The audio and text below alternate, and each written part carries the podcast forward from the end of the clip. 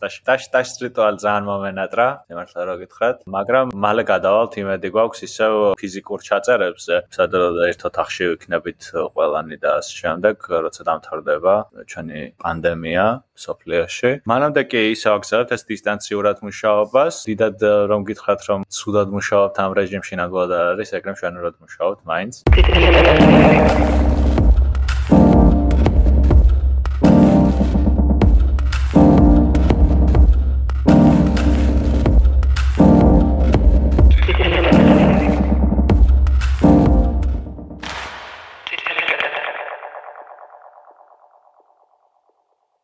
მოგესალმებით კიდევ. მიხვდებოდით რომ ვიწყებთ მორიგი ეპიზოდის ჩაწერას. ითელი კეტლის და აღარც ვთქვით მე რამდენიც უკვე ბევრი ეპიზოდები გვაქვს ჩაწერილი. დღეს შევეხებით ძალიან ისეთ საინტერესო თემას რომელიც ბოლო პერიოდში აქტუალური გახდა და მიიპყრო არა მარტო მემარცხენე საზოგადოების ყურადღება, არამედ ალბათ მთელი ქვეყნის ყურადღებაც, იმიტომ რომ შეგახსენებთ ცოტა ხნის წინ ესეთი ამბავი იყო, რომ ცოტა ხნის წინ გახსნეს სამთავრობო ვებსაიტი, სადაც შეუძლიათ არეგისტრირდეთ ადამიანებს, რომლებსაც სურთ ესე ვთქვათ სეზონური შრომით იმიგრაციაში ჩაერთონ, წავიდნენ გერმანიაში, იქ იმუშაონ, ასე ვთქვათ, სოფლის მეურნეობის სექტორში სამი თვით რაღაც ანაზღაურება მიიღონ და შემდეგ შემდგომ დაბრუნდნენ. საქართველოში სეზონური შრომა ანუ არ არის ეს ახალი ამბავი საერთოდ საქართველოში ხომ? ანუ თურქეთში მაგალითად ხშირად გადადიოდნენ ჩვენი თანამოქალაქეები. ახლა ნუ იქნება ეს გერმანია როგორც მინისტრმა გამოაცხადა კიდევ სამ ქვეყანასთან მიდის მოლაპარაკებები რომ ასეთი კონტრაქტები შეიქმნეს. ანუ ასე სამი თვით შეძლონ საქართველოს მოქალაქეებმა წავიდნენ და იმუშაონ საქმე იმაში იყო რომ ორ დღეში დარეგისტრირდა ამ ვებსაიტზე 55000 ადამიანი. ეს იყო ზუსტად განხილვის თემა თავარი, ხომ, სოციალურ ქსელშიც. რომ ანუ მიუხედავად იმისა, რომ ყველამ კარგად იცის, ახლა როგორი არის საქართველოს სიტუაცია ეკონომიკური, სოციალური, რამდენად დიდია თუნდაც შრომითი პრობლემები, რამდენად დიდია უმუშევრობა და შემდეგ ეს კარგად ვიცი, თუმცა რაღაც რიცხვის დანახვა მაინც გააქტიურა. აა ისევ დისკუსია და გააქტიურა თემაც რა თქმა უნდა. და ეს თემა არ არის მხოლოდ მხოლოდ ერთ ერთ მხრივი ხომ? არ არის მხოლოდ მხოლოდ რომ ანუ მხოლოდ მხოლოდ შრომით მიგრაციაზე არ არის მხოლოდ მხოლოდ იმაზე რომ უკეთეს უკეთეს პირობებით უკეთეს ქვეყანაში უნდა ადამიანებს დასაქმება. არამედ რაღაც მრავალ წახნაგოვანია შევეცდებით ეს მრავალი წახნაგი გავშალოთ ჩვენს დღევანდელ ეპიზოდში დავიწყოთ შრომით იმიგრაციით და შემდგომში რა თქმა უნდა ვისაუბროთ პირობებზე, რომელიც იწვევს ასეთ სურვილს ადამიანების, მოქალაქეების ასე ვთქვათ, მე ვიტყოდი აგონიურ სურვილს, იმიტომ რომ ორ დღეში 55000 ადამიანი საქართველოსში ძალიან ბევრი არის, რომ დარეგისტრდეს, გამოთქვას ესეთი ოფიციალ, ანუ ერთი არის გამოთქვას სურვილი და მეორე ეს ოფიციალურად დააფიქსიროს ეს სურვილი. ამ თემაზე რევაზ კარანაძეს დაალაპარაკებით, რაც დიდი მადლობა რომ გამონახეთ ჩვენთვის დრო რომ გვესაუბრა, იმიტომ რომ ჩვენ ძალიან გსურდა ამაზე მუშაობს, როგორც შრომით პირობებზე, შრომით სიტუაციაზე საქართველოში და ეს არის მგონი საკითხი, როცა შეგვიძლია გავშალოთ დისკუსია ამ თემაზე და რა თქმა უნდა მოუხმოთ დანარჩენ ამხანაგებსაც ჩვენ ჯგუფსაც რომ ჩაერთონ და რაღაცნაირად მეტი ვისაუბროთ. პირველ რიგში მოდი დავიწყოთ ამ კონკრეტულ case-ზე 55 1000 ადამიანი ორ დღეში. რას რას გვეუბნება ეს შენი აზრით? ანუ რა არის, რას გამოხატავს ეს რიცხვი? მადლობა პირველ რიგში მოწვევისთვის.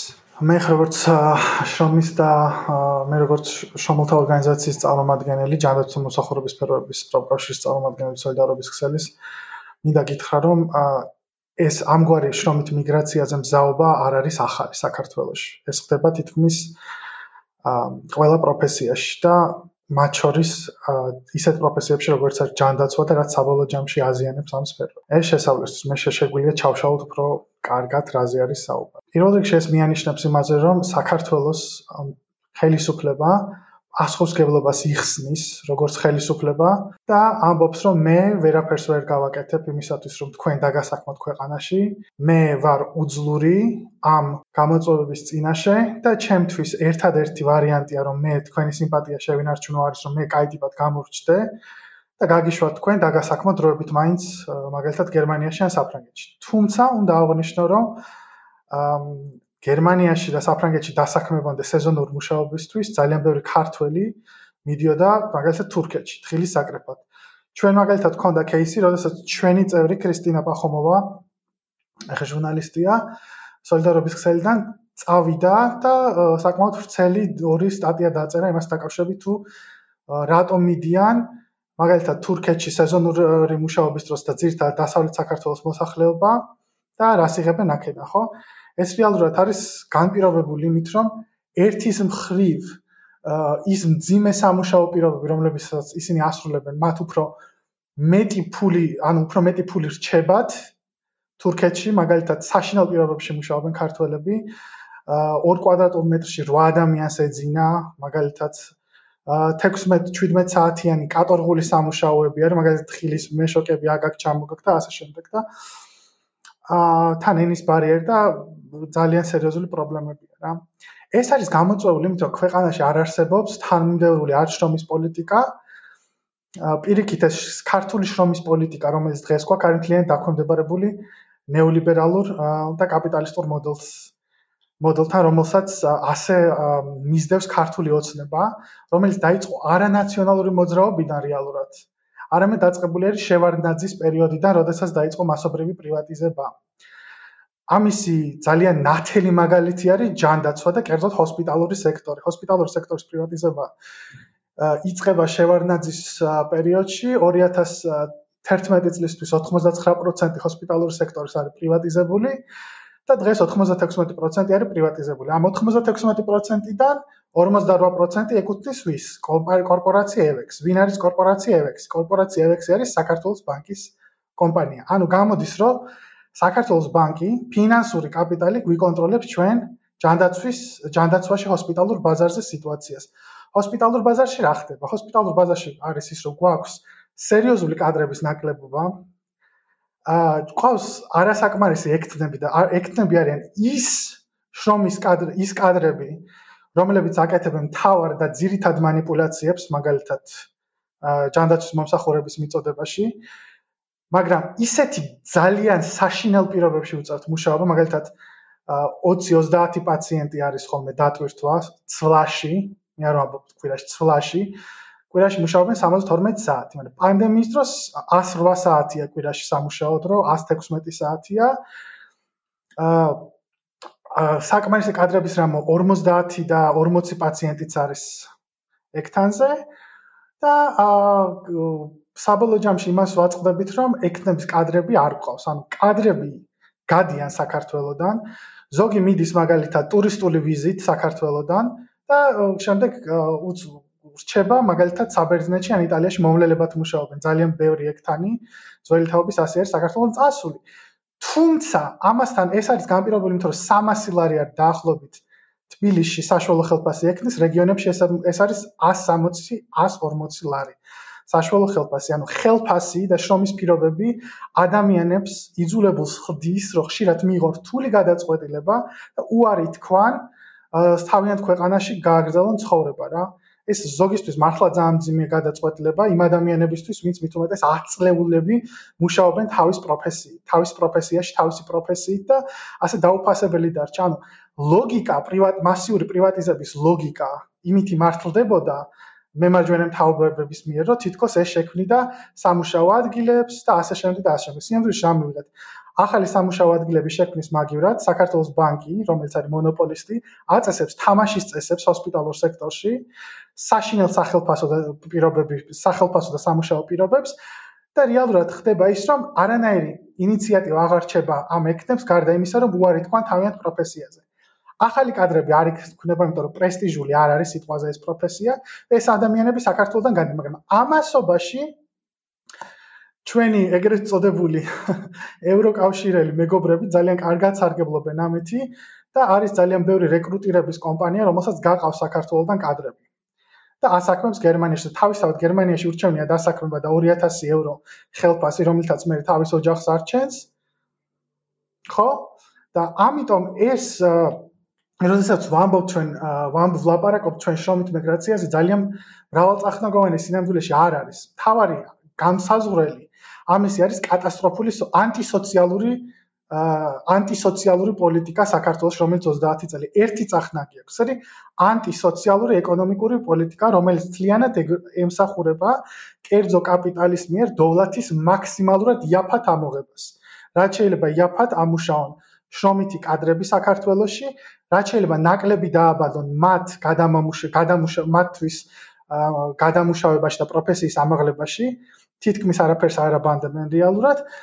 და საბოლოო ჯამში ამისი არგუმენტი, როდესაც მაგალითად პროკავშირები და შრომითლა გაერთიანებები ვამბობთ, რომ რამე გამოსწორდეს, მაგალითად მინიმალური ხელფასი არ იყოს სიტყვაზე საქართველოს 20 ლარი თვეში, რომელიც 99 წლის მერე არ შეცვლილა და ამაზე არის საუბარი ის რომ თურმე ბიზნესი და ინვესტორები აღარ შემოვლენ და ბიზნესი და ინვესტორები რეალურად არ შემოდიოდნენ არც მანამდე და არც შემოდიან იქიდან გამომდინარე უბრალოდ ნახეთ ჩვენი ეკონომიკას რო დავაკვირდეთ, ხო, ეკონომიკური ზრდა რის ხარჯზე ხდებოდა, მაგალითად, წინამთავრობის დროს ძის ზრდა, ეკონომიკური ზრდა ზრდა ხდებოდა საჯარო სიკეთეების გაყიდვის ხარჯზე.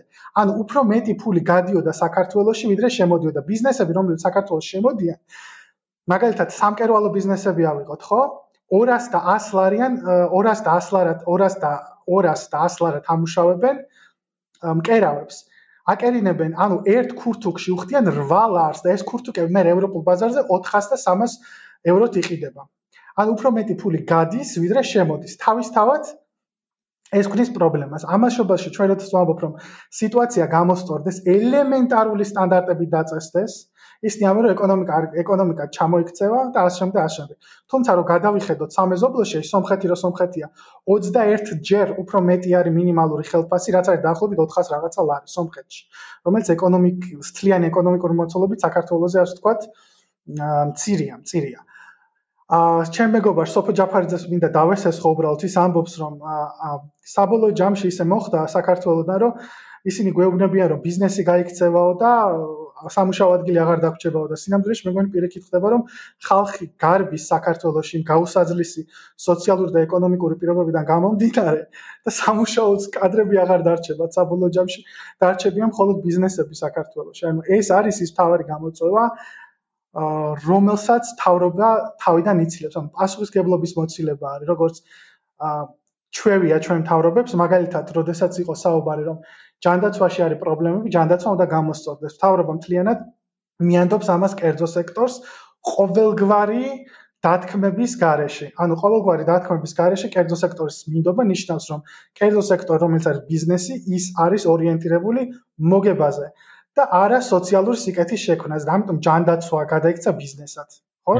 და ჯანდაცვა იგივენაირად პრივატიზირდა როგორც სხვა დანარჩენი საჯარო სიკეთეები, რომელიც ჰქონდა აქამდე. ანუ ეს არის პრობლემა. აჰა. აა რა მინდა ეცები კითხო აქ, ანუ ერთი ხო, რაც ჯანდაცვის სექტორზე რო გავაგზავნოთ ლაპარაკი, ერთი რაც გვაქვს ხო ჯანდაცვის ლანდშაფტზე ჩვენთან, არის საყოველთაო სისტემა, საყოველთაო ჯანდაცვის რეფორმა, რომელიც ქართულთანაც გააკეთა, ხო? და ისიც სარგებლობს კალკულით პოპულარობით, ხო, ხალხშიც და მათ შორის მარცხნივაც, ხო, ანუ რაღაცნაირად შეცხვა რეფორმებთან შედარებით, რაღაცნაირად თითქოს გამოხატულება იყო რაღაც სახელმწიფოს მხრიდან რაღაც ტიპის პასუხისგებლობის, ხო, რომ ყოველას უნდა მიუწევოდეს ხელი დაზღვევაზე და მართლა ბევრ ადამიანს უმკურნალ ხო ამ პროგრამამ, მაგრამ აი სისტემურად როგორ ჯდება ეს პროგრამა ა როცა დანარჩენი მთელი სექტორი არის კერძო ხელში, აი როგორ გავიგოთ ეს საყოველთაო ჯანდაცვის სისტემა და რეალურად რას რას ემსახურება იმ პირობებში, როცა მთელი დანარჩენი ფარმაცევტული სექტორი და კლინიკური სექტორი მთლიანად კერძო ხელში არის, მაგრამ მეორე მხრივ არის ეს სახელმწიფო დაზღვევის სისტემა. საბოლოო ჯამში მაგალითად ძალიან კარგი მაგალითია, რომ შედარება რო გავაკეთოთ, რა არის დღევანდელი სახელმწიფო სისტემა. რო ავიღოთ პანდემია, ხო? საქართველოს ხელისუფლებებმა გაყიდეს ჰოსპიტალები, ანუ და როდესაც პანდემიის დროს განსაკუთრებით მეორე ტალღა როდესაც დაიწყო და მათ შორის დავკარგეთ ძალიან ბევრი მედმუშაკი, მათ შორის ჩვენი პროკავშირის ექნები, საქართველოს თავრობას არ ქონდა არ ქონდა საკმარისი საწოლები. და მას გამოუწია გამოსყიდვა და ანუ კერძო კაპიტალისტვის კიდე ფულის გადახდა იმაში, რაც ვითომ გაყიდა. ანუ გამოდის იგივენაირი არის ჩვენი ჯანდა და დაზღვევის სისტემაც. როდესაც ჩვენ გვაქვს კერძო ჰოსპიტალური სისტემა, კერძო ჰოსპიტალები არიან მთლიანად ორიენტირებული იმაზე, რომ მაქსიმალურად ეს თანხა აიღონ და ამ თანხასთან ერთად კიდევ ერთ რამეს გეტყვით, რომ ხშირ შემთხვევაში მაგალითად არის შემთხვევები, მაგალითად დიაშვილის კლინიკაში იყო შემთხვევა, როდესაც პაციენტებს უფრო დიდხანს აჩერებენ, რომ მოუწიოთ მათ გადახდა როგორც დამატებით კონკრეტულად იმ ლიმიტირებით, რაც არის მოცემული დაზღვევაში, ასევე მე შემდეგ პაციენტს დამატებით თავისი ფულიდანაც ამოიღო. ანუ საბოლოო ჯამში დაზღვევა უფრო ძვირი გვიჯდება გამომდინარე იქიდან კი არა რომ დაზღვევა ცუდია, პირიქით კარგია, მაგრამ გაკეთებულია ისე რომ ჩვენ პირიქით ყიდულობთ და ყიდულობთ ჯანდაცვის მომსახურებას, თუმცა ჯანდაცვის მომსახურების ხარისხი არ უმჯობესდება, რატო არ უმჯობესდება ჯანდაცვის მომსახურების ხარისხი? კავშირშია ეს დაზღვევასთან? კი, კავშირშია დაზღვევასთან, რადგან დაზღვევისგან ამოღებული თანხა მიდის კერძო ჰოსპიტალში, კერძო ჰოსპიტალი კიდე არაბანდებს რაში? ეს არ არის პრობლემა კადრების განათლების, არაბანდებს ხელფასებში და ადამიანური რესურსების განვითარებაში. არაბანდებს იმაში, რომ ადამიანებს შეეძლოთ ნორმალურად მოგემსახურონ. როდესაც მედმუშაკებს არ აქვს ნორმალური შრომის პირობები, იქ შეუძლებელია ხარისხზე ვილაპარაკოთ. ამ ყველაფერს რა თქმა უნდა, კაი ეს ესეთი რა ქვია ბოროტი შეკრული წრი არის რომელიც ყველაფერი დაკავშირებული არის ერთმანეთთან. და ამას ემატებათ ან ისიც ხო ანუ დასავლეთში სადაც ეს კერძო ან დიდწილად კერძო ჯანდაცვის სისტემები არის ხომ რითი ამართლება ხომ ხო რომ რაღაცა თანხები მიდის კლევაში და ეს ფარმაცევტული კომპანიები რაღაცა ქმნიან ახალ წამლებს ეს ჯანდაცვის მიმწოდებლები ერთმანეთთან არიან კონკურენციაში და ეჯიბრებიან იმაში რომ ვინ უკეთეს ხარისხს შესთავაზებს ხო ანუ რაც სხვა სხვა სექტორებში რაც არის ხოლმე თავისუფალი რაღაცა საბაზრო ურთიერთობების გამართლება, ეგ ეგ რას ნიშნავს ჯანდაცვის სექტორში, აი მაგაზე ზოგადად და რატო არის ეგ ლოგიკა რაღაცა აბსურდული, როცა საქმე გვაქვს არა რაღაცა სამოხმარო პროდუქტთან, არამედ ჯანდაცვასთან. პირველ რიგში მინდა აღნიშნოთ ფარმაცევტულ ინდუსტრიაშიც დაახლოებით იგივენაირი პრობლემები არის, რაც არის ჰოსპიტალურ სექტორში, იმიტომ რომ ფარმაცევტულ ინდუსტრიაში საქართველოში არიან კერძო მონოპოლები, მონოპოლისტები, მათ შორის არიან ლობისტები, ჩვენ ყავს ოქრიაშვილი, რომელიც იყო ჯერ ნაციონალური მოძრაობის წევრი, მე ქართული ოცნების წევრი, რომელიც არის რომელიც აკონტროლებს PSP-ს და PSP-ს დამფუძნებელი და მფლობელია და რომელიც თვითონ აღიარებს თუ როგორ ათეთრებდა ფულს იაფი წამლების შემოტანით და შემდეგ ძალი 3000 ხო. ძიროთ გაკეთებს ხო დაახლოებით და ამაყობდა ამითი ამაყობდა გახსოვთ რომ რაღაც. ზუსტად აი ეს ლოგიკა არის. ჩვენთან ამაზე არანაირი კონტროლი არ ხდებოდა არც ახლა არ ხდება მაგალითად იმიტომ რომ PSP-ს მაგა და სხვა კომპანიებს შემოაქვთ წამლები უფრო იაფად და ბეროთ უფრო ძვირად რომ მაგალითად რომ წამალი წამალი რომელიც არის ამოქსიცილინი რომელიც არის ანტიბიოტიკი თურქეთში ღირს 30-ჯერ უფრო იაფი ვიდრე არის საქართველოში ხო? რისი ბრალი არის ეს? ეს არის ძირითადად არის არა იმიტომ რომ საქართველოს შემოტანის დროს საბაჟოს დამატებით თანხას იხდი არა იმიტომ რომ უბრალოდ კომპანია აწესებს ამ ფასს და ფასების კონტროლი საერთოდ არ ხდება ჯანდაცვის სისტემაში.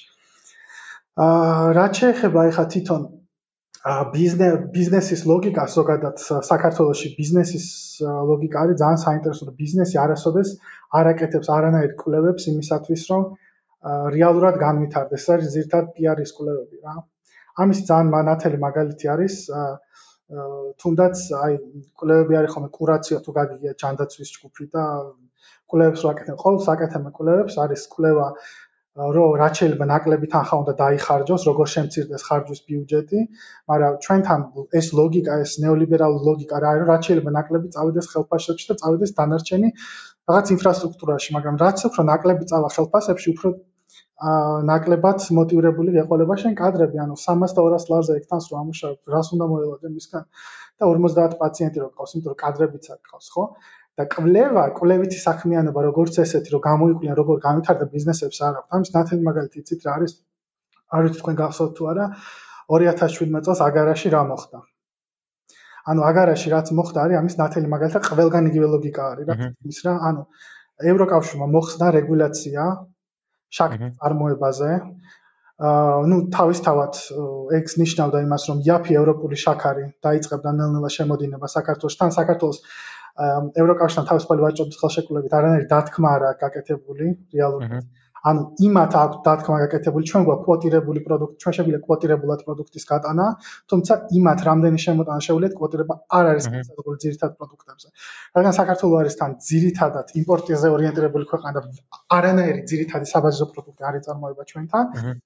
აა რა ხდებოდა? ანუ აგარი შაქარი, რომელიც არის მონოინდუსტრიული ქალაქი, ანუ საქართველოსში ჩვენ ვიცით, რომ საბჭოთა კავშირის განვითარების დროს ქონდა მონოინდუსტრიული ქალაქები, ანუ ქალაქები გაშენებული მაგალითად მაღაროს გარშემო, შახტის გარშემო, მეტალურგიის წარმოების ქარხნის გარშემო და აგარაც იყო გაშენებული მეშაქრეების გარშემო, ანუ ეს არის ქალაქი, სადაც ცხოვრობენ მეშაქრეები. ეს პროფესია საქართველოს აღარ ისწავლება და რეალურად სამუშაო ადგილზე სწავლობდნენ ეს ადამიანები და თითქმის მთელი დაბა იყო დასაქმებული აგარაში. რა მოხდა მე? ნუ ევროკავშირმა მოხსნა ეს რეგულაცია. ამასობაში, ნუ ბრაზილია მოგეხსენებათ არის შაქრის მთავარი მწარმოებელი. სოფლიოში და რეალის კურსმა მახსოვს აიწია მაშინ და უბრალოდ დაიწია, დაიწია ქვევით რაც რამაც საშუალება მისცა იმას, რომ დიდი რაოდენობით შაქარი ბრაზილიასაც გაიყიდა, ევროპასთან შედიოდა კონკურენციაში. ამასობაში რა ხდება? ამასობაში საქართველოს შემოდის ძალიან დიდი რაოდენობით იაფი შაქარი, რადგან ძალიან დიდი რაოდენობით იაფი შაქარი ევროკავშირიდან. ევროკავშირიდან შემოსულმა ძალიან დიდი რაოდენობით იაფმა შაქარმა მოსპო ადგილობრივი წარმოება აგარაში რა. ანუ ეს ნიშნავს, რომ ერთადერთი ქალაქი, რომელიც მართლა აწარმოებდა შაქარს, მოისპო იაფი შაქრის შემოსვლის გამო. ეს ბიზნესმა არ გათვალა ის რომ ესეთი რაღაცა ხდებოდა, იმიტომ რომ უნდა გააკეთო საბაზრო მოკვლევა და ჩვენ მაგალითად პროკურორებს მივედით და გავაკეთეთ რა ხდებოდა, აღმოჩნდა რომ საერთოდ არაფრის არაფერი გამოკვლეული არ ჰქონდათ და ერთადერთი გამოსავალი რაც ნახეს არის იყო ის რომ ბიტკოინების მაღაროდ გადაეკეთებინათ აგარი შაქრის ცენტრი და ეს ხალხი რომელიც არის დასაქმებული პროფესიონალები მეშაქრეები იძულებული ხდებოდნენ გამختارიყვნენ ან урბანული урბანული ლუმპენ პრეკარიატის ნაწილი გახდებოდნენ რეალურად ან უნდა გამختارიყვნენ ძღოლები ან გაიმუშავათ როგორც მშენებლობის მუშებად, ან უბრალოდ უნდა გამختارიხან გამختارიყვნენ კლავ შრომითი მიგრანტები. აი, როდესაც აი ესეთი პოლიტიკა გვაქვს საქართველოში და ხო, თავრობას რაც შეეხება, აგარი შაქარზე გამახსენდა, თავრობის განცხადებები უნდა ნახოთ რა იყო ამასთან დაკავშირებით, რომ ანუ რეალურად თავრობაც არ იყო არანაირად ამისთვის მომზადებული. თავრობასაც თავრობა ძალიანად არის ორიენტირებული იმაზე, რომ რაც შეიძლება მეტი ინვესტიცია მოხდეს, თუმცა ინვესტიცია მე როგორ ვითარდება და რა პირობებით იდება ინვესტიციები, ამას არ აკონტროლებენ. რატო? იმიტომ რომ ეს არის იდეოლოგიური პრობლემა.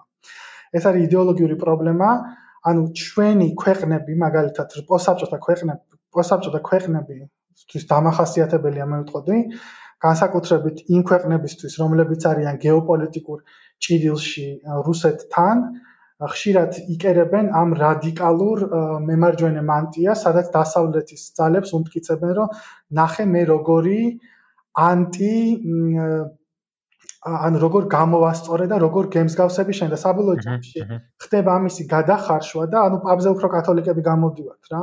ანუ რადიკალურ ფორმებს იღებს ჩვენთან არსებული სიტუაცია. აი კიდე ერთი მაგალითი ფრონტერა ავიღოთ რა ინვესტიციები. შემოდის 35 წელი არ გაჩერებულა ლაგო კახეთში ლაგოდეხში თუ არ ვწდები 35 16 წელი არ გაჩერებულა ნავთობის ამომღები ქარხანა ხო?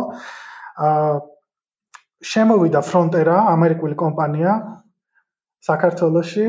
11 თვე არ გასცა ხელფასები.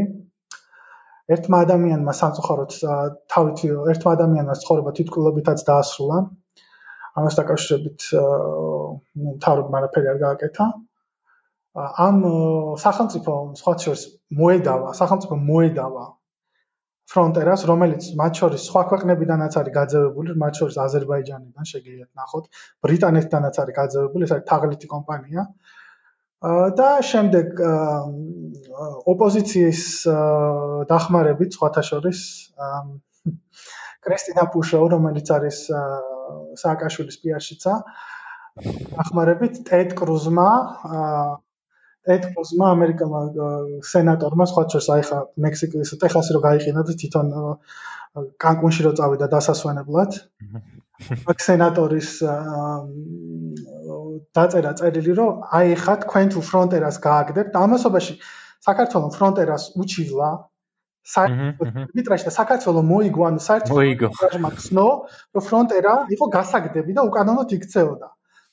და ამასობაში ტეტკრუზმა თქვა რომ აი დემოკრატია ინგრევა საქართველოში თქვენ თუ ამერიკულ კომპანიას გააგდებთ. ანუ ჩვენ ქვეყანაში სუვერენულობა საერთოდ არ არსებობს, რადგან ჩვენ არ გვაქვს ეკონომიკური სუვერენულობა და ვართ ფლიანად ორიენტირებული ინვესტიციებს და არსებობს იდეოლოგიური აპარატი, მხოლოდ ინვესტიციები, მხოლოდ დაურიგებლებელი თავისუფალი ბაზარი არის გამოსავალი თავისთავად არ უნდა გაგვიკვირდეს რომ ჩვენი მთავრობა რომელიც მე დღეს გამოდის ის ღარიბაშვილი და დიდი სამით იმუქრება ამას გავაკეთეთ იმას გავაკეთეთ და საბოლოო ჯამში მისი ministrobis დროს და გახარიას პრემიერ-მინისტრობის დროს კოლელი კომპანია რომელსაც 11 თვე ადამიანებს ფული არ გადაუხადა რომელმაც საერთაშორისო არბიტრაჟში წააგო რაც იშვიათია ხოლმე კომპანიამ უკან დააბრუნეს რა ანუ მაშინ როდესაც ქვეყნები თავისუფლდებიან ესეთი პარაზიტული კომპანიებისგან ჩვენთან პირიქით თავრობას იმისი ხერხემალიც არ აქვს, რომ საერთაშორისო მიღებულ არბიტრაჟში მიღებულ გადაწყვეტილება აღასრულოს. ეს კომპანია მოვა მერე ამ ადამიანებს კომპენსაციებს არ მიცემენ ბოლომდე და ეს ხალხი მერე სად მიდის? ანუ მთელი ცხოვრება როდესაც ნავთობში მუშაობ, ხო? ერთადერთი ვარიანტია ისევ წახვიდე შრომით მიგრანტთან. შენ თუ ვერ წახვალ როგორც მამაკაცი, ძალიან მნიშვნელოვანი ფაქტორი შემოდის ქალების ჩვენთან. ჩვენ ძალიან დიდი რაოდენობა ქალების მიგრაციის. ხშირ შემთხვევაში ეს ქალები არიან ქალების მიდიან სამხრეთ ევროპულ ქვეყნებში და მუშაობენ როგორც მომლელები, მუშაობენ როგორც აგრეთ წოდებული შიდა მეურნეობის მშრომელები. ხშირ შემთხვევაში მაგალითად ისინი კონკურენციაში შედიან საქართველოსთან წასულ ექნებთან, რომლებიც უფრო პრიორიტეტული არიან, როდესაც სამსახურებს იღებენ ამ პოზიციაზე ამ ქვეყნებში. ანუ მთელი ქვეყნის პოლიტიკა არის ორიენტირებული იმაზე, რომ რამენაირად რამენაირად შენარჩუნდეს ეს მახინჯი სტატუს კვო კაპიტალის სასარგებლოდ და ელიტების სასარგებლოდ, რომელიც არის ჩვენ ქვეყანაში. თუნდაც იყოს ეს ჩვენი ადამიანების სიცოცხლის და ჯანმრთელობის ხარჯზე რა. აჰა. აჰა. რატო 55000 ერთ დღეში რატო უცებ და ეხა რას გვპირდებიან კიდე დააკვირდით ძალიან საინტერესო ეხა საფრანგეთთან გავაკეთებთ. და 2018 წლის საპრეზიდენტო არჩევნებში კიდე შეჯიბრი იყო ბაქრაძემ თქვა ევროპული რა ქვია? საქართველოს მადლობა. ევროპული საქართველოს თქვა რომ აი მე დაგასაქმებთ ევროპაში ოცნებაოს არა მე დაგასაქმებთ ევროპაში რა და მე ბიზინა ამბობს აი ხა დაღდათ დაგასაქმებთ ევროპაში. მარცხინოა რა პარტიები ეჯიბრებიან იმაში რომ სად შეიძლება გავშვან ეს უკმაყოფილო ხალხი საქართველოს სტუდენტებიც იყო გახსოვს მაშინ ანუ სტუდენტებზეც იგივე სამოდენ რომ ანუ სტუდენტებმა უნდა ისწავლონ საზღვარგარეთ ანუ დაპირება ეს იყო რომ გაუადვილებთ იმას სტუდენტებს რომ საზღვარგარეთ ისწავლონ. ის კი არა რომ აქ ნორმალური ნორმალური განათლების მიღება აქ შეეძლოთ რა წარმოიდგინე. მაგრამ ერთი კითხვაც მან კიდე აიცი რა ზე აი იდეოლოგიაზე რო საუბრობდი ხო რომ ეს არის იდეოლოგიაო ჩვენთან ხო რომ იდეოლოგიურად არის განპირობებული, მაგრამ მეორე მხრივ არის განპირობებული ეს გლობალური, ანუ პროცესიც არის. წმინდა, ესე იგი, მატერიალურადაც ეს IMF-ები და სოფლის სამეჭრო ორგანიზაცია და სხვები, რაზეც ვართ სასიცოცხლო დამოკიდებულები ეკონომიკურად, ხო? რაზეც არის დამოკიდებული ჩვენი ვალუტაც და ჩვენი მაკროეკონომიკური სტაბილურობა, ხო?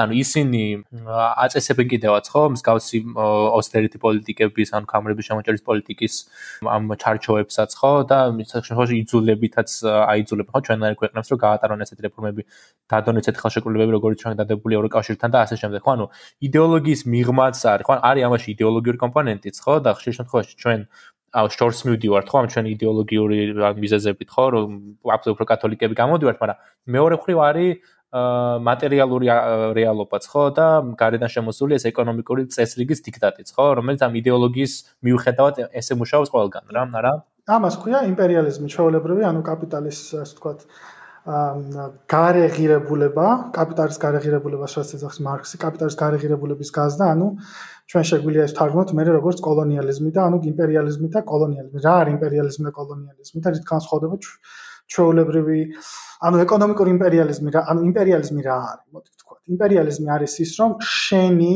ელიტების გამდიდრება, შენი კაპიტალის გაზრდა სხვა ქვეყნების ან გლობალური სამხრეთის ჩაგვრის ხარჯზე. მაგალითად, ლათინური ამერიკა რო ავიღოთ, მთელი თავისი ისტორიის მანძილზე იყო და კლავაც არის აი სწორედაც რომ ამ იმპერიალისტური და ნეოკოლონიალისტური ორგანიზაციების სხვერპლი როგორიც არის IMF მაგალითად ამ სოფლიო ბანკი რომელიც ასე ვთქვათ პირობებს გიყენებს როგორ და რანაირად უნდა განვითარდა მე შენ შენი მემარჯვენე მთავრობა იღებს სესხებს. ამის ნათელი მაგალითია ლათინური ამერიკა, ამის ნათელი მაგალითია აფრიკა და მოდი ვნახოთ რატო არის იდეოლოგიასთან კავშირში ეს პირდაპირ, რომ მემარჯვენეები პირიქით მიდიან და IMF-თან მიდიან და ეუბნებიან, რომ დამიწეს ეს კამრების შემოჭერის პოლიტიკა, რაც არის austerity. დამიწეს ეს, მე ავიღებ შენგან ვალს, მაგრამ იმაზე იმაზე და მე გადავიხდი, მაგრამ ეს გადახდა მე თაობებით გავალიანება ხდება სახელმწიფოსი, ხო? აი ბოლივია ავიღოთ. ბოლივიაში ვითარდებოდა სტაბილურად აა 12 წლის მანძილზე, მე მოხდა მემარჯვენეების მიერ გადატრიალება 2019 წელს ევო მორალესის სოციალისტური მთავრობა გადააგდეს მემარჯვენეება, რომელსაც სხვათა შორის ხარი დაუჭირა ამერიკის შეერთებულმა შტატებმა და ევროკავშირის ქვეყნებმა, თუმცა მე აღმოჩნდა საერთაშორისო ორგანიზაციებმა აღერს, უი თურმე ის არჩევნები ევო მორალეს არ გაუყალბებია და ლეგიტიმური იყო და მე თავიდან ჩვენც დაუჭირეთ ხარი, ხო, ჩვენც ხო დაუჭირეთ ხარი. აჰა, ჩვენ არ ვიცი დაუჭირეთ თუ არა, ის ვენესუელასთან, ვენესუელას თავრობას დაუჭირეთ და ზოგიერთი ჩვენი მემარცხენე, რომელიც ხა ლელოში არის გადასული, დიდი სიახლოვე. ულოცავდა, ულოცავდა თვითმარქვია პრეზიდენტს. ულოცავდა თვითმარქვია პრეზიდენტს. მათ შორის მე მგონი ანიასაც ულოცავდა ბოლივიაში. მოკლედ, ანუ რა არის ამ ამბის მორალი? ანუ მოვიდა მთავრობაში 12 წელი ვითარდება ბოლივია სტაბილურად. მოხდა გადატრიალება. მოვიდა მემარჯვენე მთავრობა, ანიესის მთავრობა, ხალბატონ ანიესის მთავრობა ბოლივიაში. იმ წუთშივე შეუშვეს IMF-ი და აიღეს 3 მილიარდზე მეტი სესხი. ანუ გაავალიანეს ბოლივია 11 თვეში და 11 თვეში ჩატარდა ხელახალი არჩევნები და ისევ მორალესის მთავრობამ, მორალესის პარტიამ მოიგო. ნუ მორალესი აღარ მოვიდა თვითონ მთავრობაში, იმიტომ რომ ვადაკონდა მოწული, მაგრამ სოციალისტები როდესაც დაბრუნდნენ, ან სოციალისტებს ახლა თავიდან მოუწიათ ამალის გასტუმრება, კი გაისტუმრეს, მაგრამ გაისტუმრეს. გესმით, ანუ ანუ ეს ქართულად conditionality, ანუ პირობითობა, რომელსაც გვიყენებს ჩვენ IMF-ი, რომელსაც გვიყენებს ჩვენ სოფლიო ბანკი, რომელი კურსიც გვაქვს ჩვენ აღებული, არის პირდაპირ კავშირში არსებულ დომინანტ იდეოლოგიურ ინსტიტუტებთან და პარტიებთან, რომლებიც ამას ეკაჩებიან. ეს არის შემდეგ კავშირში იმაში, რომ ფინანსური კაპიტალი ჭამს საწარმოო კაპიტალს საქართველოში და მე მიდიხარ და ნახავ თურმე ღვინის წარმოება, რომ ღვინის წარმოება ამის უკანაც რომელიღაცა ფინანსური ძალა დგას და აღმოჩნდა, რომ TBC ბანკი დგას. ყველა დიდი ინდუსტრიული თუ ინფრასტრუქტურული პროექტის უკან დგას ან უცხოური კაპიტალი, ან საქართველოს ბანკი. ა ჯანდაცვის სექტორი, რომელიც უნდა იყოს საყოველთაო სიკეთე, გახდა საქართველოს ბანკის მონოპოლიის ათამაშო მოედნად. ანუ აი ესეთი სიტუაცია გვაქვს ქვეყანაში რა, მემარჯვენე დომინანტური მემარჯვენე იდეოლოგიის გამო და მე არ მე არ მიყვარს საერთოდ როცა ხმარ რომ სიტყვა ნეოლიბერალიზმი. კენსიანელებს უყვართ ხოლმე ნეოლიბერალიზმის ხმარება, მაგრამ მე ვიტყოდი რომ რა არის თო ნეოლიბერალიზმი? ნეოლიბერალიზმი არის პრეკენსიანული კაპიტალიზმის რეალური სახე, რომელიც შემდეგ 70-იან წლების ბოლოდან წამოვიდა და ინტელექტუალურად 80-იანებიდან დაიწყო გაბატონება და აი ამ სიგიჟეში ქვეყანა ვერ განვითარდება ამ სიგიჟეში ჩვენი ხალხი კეთილდღეობას ვერ ნახავს და უფრო გაიზრდება კიდევ გამოსახლებები რასაც ქვია მინიმალური ხელფასი თუ არ იქნება მინიმალური ხელფასის გაზრდა 20 ლარიდან მინიმუმ 1.8 ლარამდე პირდაპირ კავშირში არ ამს ამიტომ ხალხი რატო ივალიანებს თავს ანუ ძირითადად მაგალითად ეკითხები მეუბნებიან რომ ხელფასი არ მყოფნის ელემენტარულად თვიდან თვემდე სინათლის პური გადავეხადო. ავადმყოფ ქმარს მოვა რომ ჭამო არ მყოფნის რა. ანუ ძირითადი საჭიროებების დაკმაყოფილების გამო ისეთი არის პოლიტიკა შექმნილი ერთის ხრივ ადგილობრივ დონეზე, მემარჯვენე ელიტების ხრივ, ხრივ მემარჯვენე კორპორაციების ხრივ და მათი ლობისტი პოლიტიკური პარტიების ხრივ იქნება ნაციონალები თუ ოცნება. და ზემოდან ხიდე დაშენებული არის ეს ეგრეთ წოდებული IMF-ი და საერთაშორისო ორგანიზაციები. ეს ყველაფერი აიძულებს მე ამ ადამიანს აიღოს ბანკიდან ვალი და დარჩას უსახკაროდ. ანუ ძალიან გადაყოლი არის ეს ყველაფერი. და მე ამ ადამიანს რომელიც ვალებში იხჩობა და რომელიც არის ექთან, რომელსაც წლებია სტაჟიანი არის სიტყვაზე ექთან, მე უწევს რომ გერმანიაში ამ პროგრამაზე დარეგისტრირდეს, დროებით სამუშაოდ წავიდეს სიტყვაზე. ეს დროებითი სამუშაო გააკეთოს ისე რომ არალეგალად დარჩეს შემდეგ. და შემდეგ იქიდან გააგრძელოს თავისი ახლობლების შენახვა, იმიტომ რომ ეს ხალხი სუმუშაობს, სუმუშაობს და ჩვენთან არის შექმნილი ეგრეთ წოდებული ეს ლეგენდა, რომ აი ხა ქართველებს მუშაობა არ უნდათ და რაღაც არ არის რა. ერთი რომ მართლა არ არის სამუშაოები, მეორე ის რომ მაგალითად ხე წავიდეს და მიწა დათხნას. მეორე რომ დახნი მიწას და პამიდორს მოიყვან, მე ვერ გაყიდი, იმიტომ რომ არ არსებობს ეგრეთ წოდებული თანმიმდევრული სოფლის მეურნეობის პოლიტიკა და თურქული პამიდორი ჩაგძირავს და ვალებში გახვალ და ისე მოგიწევს მიწის დაკარგვა, სახლის დაკარგვა და ისე მიგრაციაში უნდა წახვიდე. ან კატასტროფა არის ამ კუთხით. ერთადერთი მე რასაც უყურებ არის ის, რომ აა ერთადერთი გამოსავალი ამ სიტუაციიდან არის, რომ ეს პოლიტიკა უნდა დასრულდეს რა. ამას შეიძლება ჩვენ დაუდოთ ძალიან ბევრი რეგულაცია. რეგულაციებმა შეიძლება უბრალოდ გზა გაუხსნას მემარცხენე პოლიტიკას. მემარცხენე პოლიტიკა რეგულაციებით ვერ გატარდება. ისეთი სიტუაცია არის, რომ ეხლა რო ამბობენ, რომ აი ხარიბაშვილმა განაცხადა, რომ თურმე დიდი სახის პატარა სახელმწიფო ლეგენდაა და რაღაც. ხო ვიცით, რომ ეს პიარი იყო მისი. ანუ რეგულაციები აუცილებელია ამისთვის, რომ ელემენტარულად გზა გაიხსნას. მინიმალური ხელფასი აუცილებელია, რომ ელემენტარულად გზა გაიხსნას, რომ რამე გაკეთდეს. იმდენი ბარიკადა არის შექმნილი. და ეს მათ შორის ხელს უშლის შრომელების ორგანიზებას, იმიტომ რომ ერთის ხრივ შრომელების ორგანიზება ვერ ხდება, იმიტომ რომ მათი ოჯახის წევრები აქედან მიდიან და ისინი არიან დამოკიდებული ავნილებზე. და არ ჩვენ ვერ ძალიან რთულია შექმნა ეგრეთ წოდებული კლასიკური working class სამუშაო კლასის შრომალთა კლასის გაერთიანება და მოძრაობა ძალიან ართულებს ეს ამ სიტუაციას. მაგალითად 2017 წელს საქართველოში მთლიანი ხელფასების რაოდენობა იყო 500 მილიონი დოლარი, ხოლო გზავნილების რაოდენობა იყო 1 მილიარდ 300 მილიონი.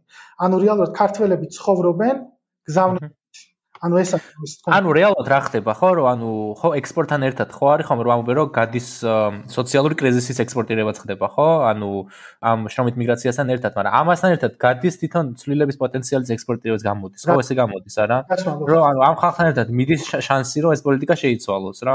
ამ 55000 დარეგისტრირებული ეგ ხალხიც რო წავა იმ ხალხს რაც შეეძლო რომ აქ დაორგანიზებულიყო და შეეცვალოთ იმის ექსპორტირებაც ხდება ხო ეგრე გამოდის. თან ერთად კი იმის იმის იმის ექსპორტირებაც ხდება და ისინი მე როცა გზავნი გაგონიან ფულს, რას ვამბობ, იმიტომ რომ ადამიანებს მაგალითად არ არსებობს მაგალითად შრომელების კატეგორია, რომელიც ამბობს, რომ 300 და 400 ლარზე ცხოვრობს, ეს არ არის დიდი რაოდენობა, თუმცა რადგან მათ აქვთ 100 და 200 დოლარი ან ევრო ყოველთვიური გზავნილი, მათ შეუძლიათ გადარჩენ და იცხოვრონ მან ხელფასით.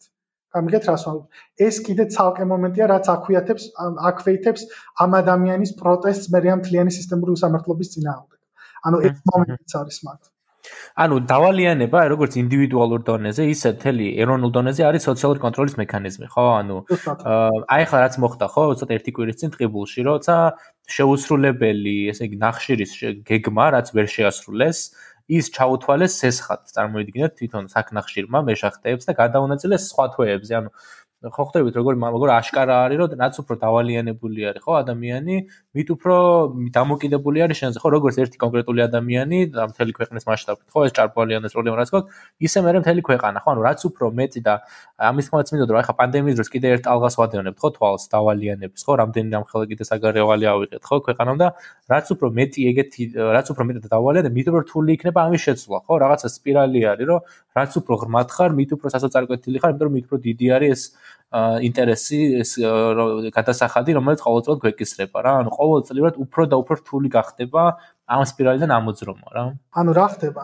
სიტყვაზე რომ მოვიდეს მემარცხენე მთავრობა ცვლილებების განხორციელება იქნება წარმოუდგენლად რთული. კი, ავიწრო, აი პირდაპირ ალტერნატივას ავიწროებს, აი ალტერნატივის შესაძლებლობას ავიწროებს ეს დავალიანება რა. კონსტიტუციურადაც ხარ შეზღუდული ლიბერტი აქტით, რომ მაგალითად ბიუჯეტის მუშებოსთან ზდამოახერხდინო, რაც დაგეხმარება, რომ გაზარდო საბიუჯეტო ხარჯები და სოციალური ხარჯები ერთი და მეორე იმდენი პირობითობები გაქვს დაყენებული შენ საერთაშორისო ორგანიზაციების მიერ, საერთაშორისო ფინანსური ორგანიზაციების მიერ და საერთაშორისო ორგანიზაციების მიერ, რომ ეს თავისთავად ართულებს შენი გავალიანების აი ამ სპირალიდან ამოსვლა. და რის დამატება მინდა და ეცეთ უბრალოდ რომ ერთი რამე არის გასიტუაცია მე რა თუ რაც უფრო რთულია შენი სოციალური მდგომარეობა ცალკეული ადამიანისას და ქვეყნისას, რაც უფრო მოწყობადი ხარ ეკონომიკურად ასე ვთქვათ, მის მით უფრო კაბალურია სესხის პირობა, ასე მუშაობს ეს ყველაფერი, ხო? ანუ აი შევხედოთ ვისი ვინ იღებს სესხებს ყველაზე ცუდ პირობაში საქართველოში, რაც არის ანუ სოციალური კატასტროფა თუ თუ ვინმე სურს წარმოიდგინოს, ეს არის ხო? ან პენსიონერისთვის პენსიაზე გაცემული სესხი. ანუ ამაზე უარესი ანუ ამაზე უფრო ამორალურიც ამასთან ერთად, ხო? რა უნდა არსებობდეს, ვერ ხვდებით უბრალოდ. და მე მე მქონია შემთხვევები მისაუბრია ადამიანებთან, რომლებიც ანუ ქვეყანაში გვაქვს ასეთი მოცემულობა, რომ პენსიონერები სესხად იღებენ საკუთარ დაკრძალვის თანხას. ასე ხდება. ანუ ეს არის რეალობა, რომელშიც ცხოვრობთ, ხო? ანუ წინასწარ ცდილობენ მაგათაც საფლავის ის გამოიტანონ ასე შემდეგ, ასე შემდეგ და ასე შემდეგ. და სესხები არის საოცარ პროცენტებში 37% და მეტი ან პენსიონერის შემოსავალი საიდან უნდა გაიზარდოს, ანუ ასეთ კაბალურ პირობაში რო აწესებ. ამასთან ერთად ეს ახლა რომ იყო ეს ბანკების პოლიტიკა, როცა ეს სამი თვით გადავადება იყო სესხის, ხო? ანუ საქართველოს სახელმწიფო ახერხებს ყველანაირად, რომ ყველა ესეთი ასე ვთქვათ გვერდიდან რომ შევხედოთ ეს ვთქვათ სოციალური ინიციატივა, როგორც მაგათა სესხის გაჩერება სამი თვით, ან საყოველთაო ჯანდაცვის პროგრამა, ან ის სახლის ყიდვის სუბსიდია და ასეთ რაღაცები, როგორღაც ისე გამოვიდეს, რომ იყოს სარგებელი მხოლოდ მხოლოდ ისო ფინანსური სექტორისთვის, ხო? მე რომ ეს გადავადებამაც იმუშავა ისე რომ შემდგომ სამი თვის მერე ორჯერ მეტი სასხი მოუწია რომ დაებრუნებინა ადამიანს რა და მივდივარ ძალიან ისე თქვა თქვა ამ რთულ მოცემულობაში იმიტომ რომ რეზიმს სწორად გაავლო ეს ხაზი ხო? ეს არის უბრალოდ დროის მოგება ხო? ანუ თუ შენ ისეთ სიტუაციაში ხარ როცა შენი ხელფასი არ ყოფნის გადასახადებზე საკვებზე და ელემენტარულ ნორმალურ ცხოვრებას და იწყებ ასე ვთქვათ ცესხების აღებას ხო? უბრალოდ ეს დროის ამბავია როდის გახდები შრომითი მიგრანტი როდის გადაწყვეტ რომ ანუ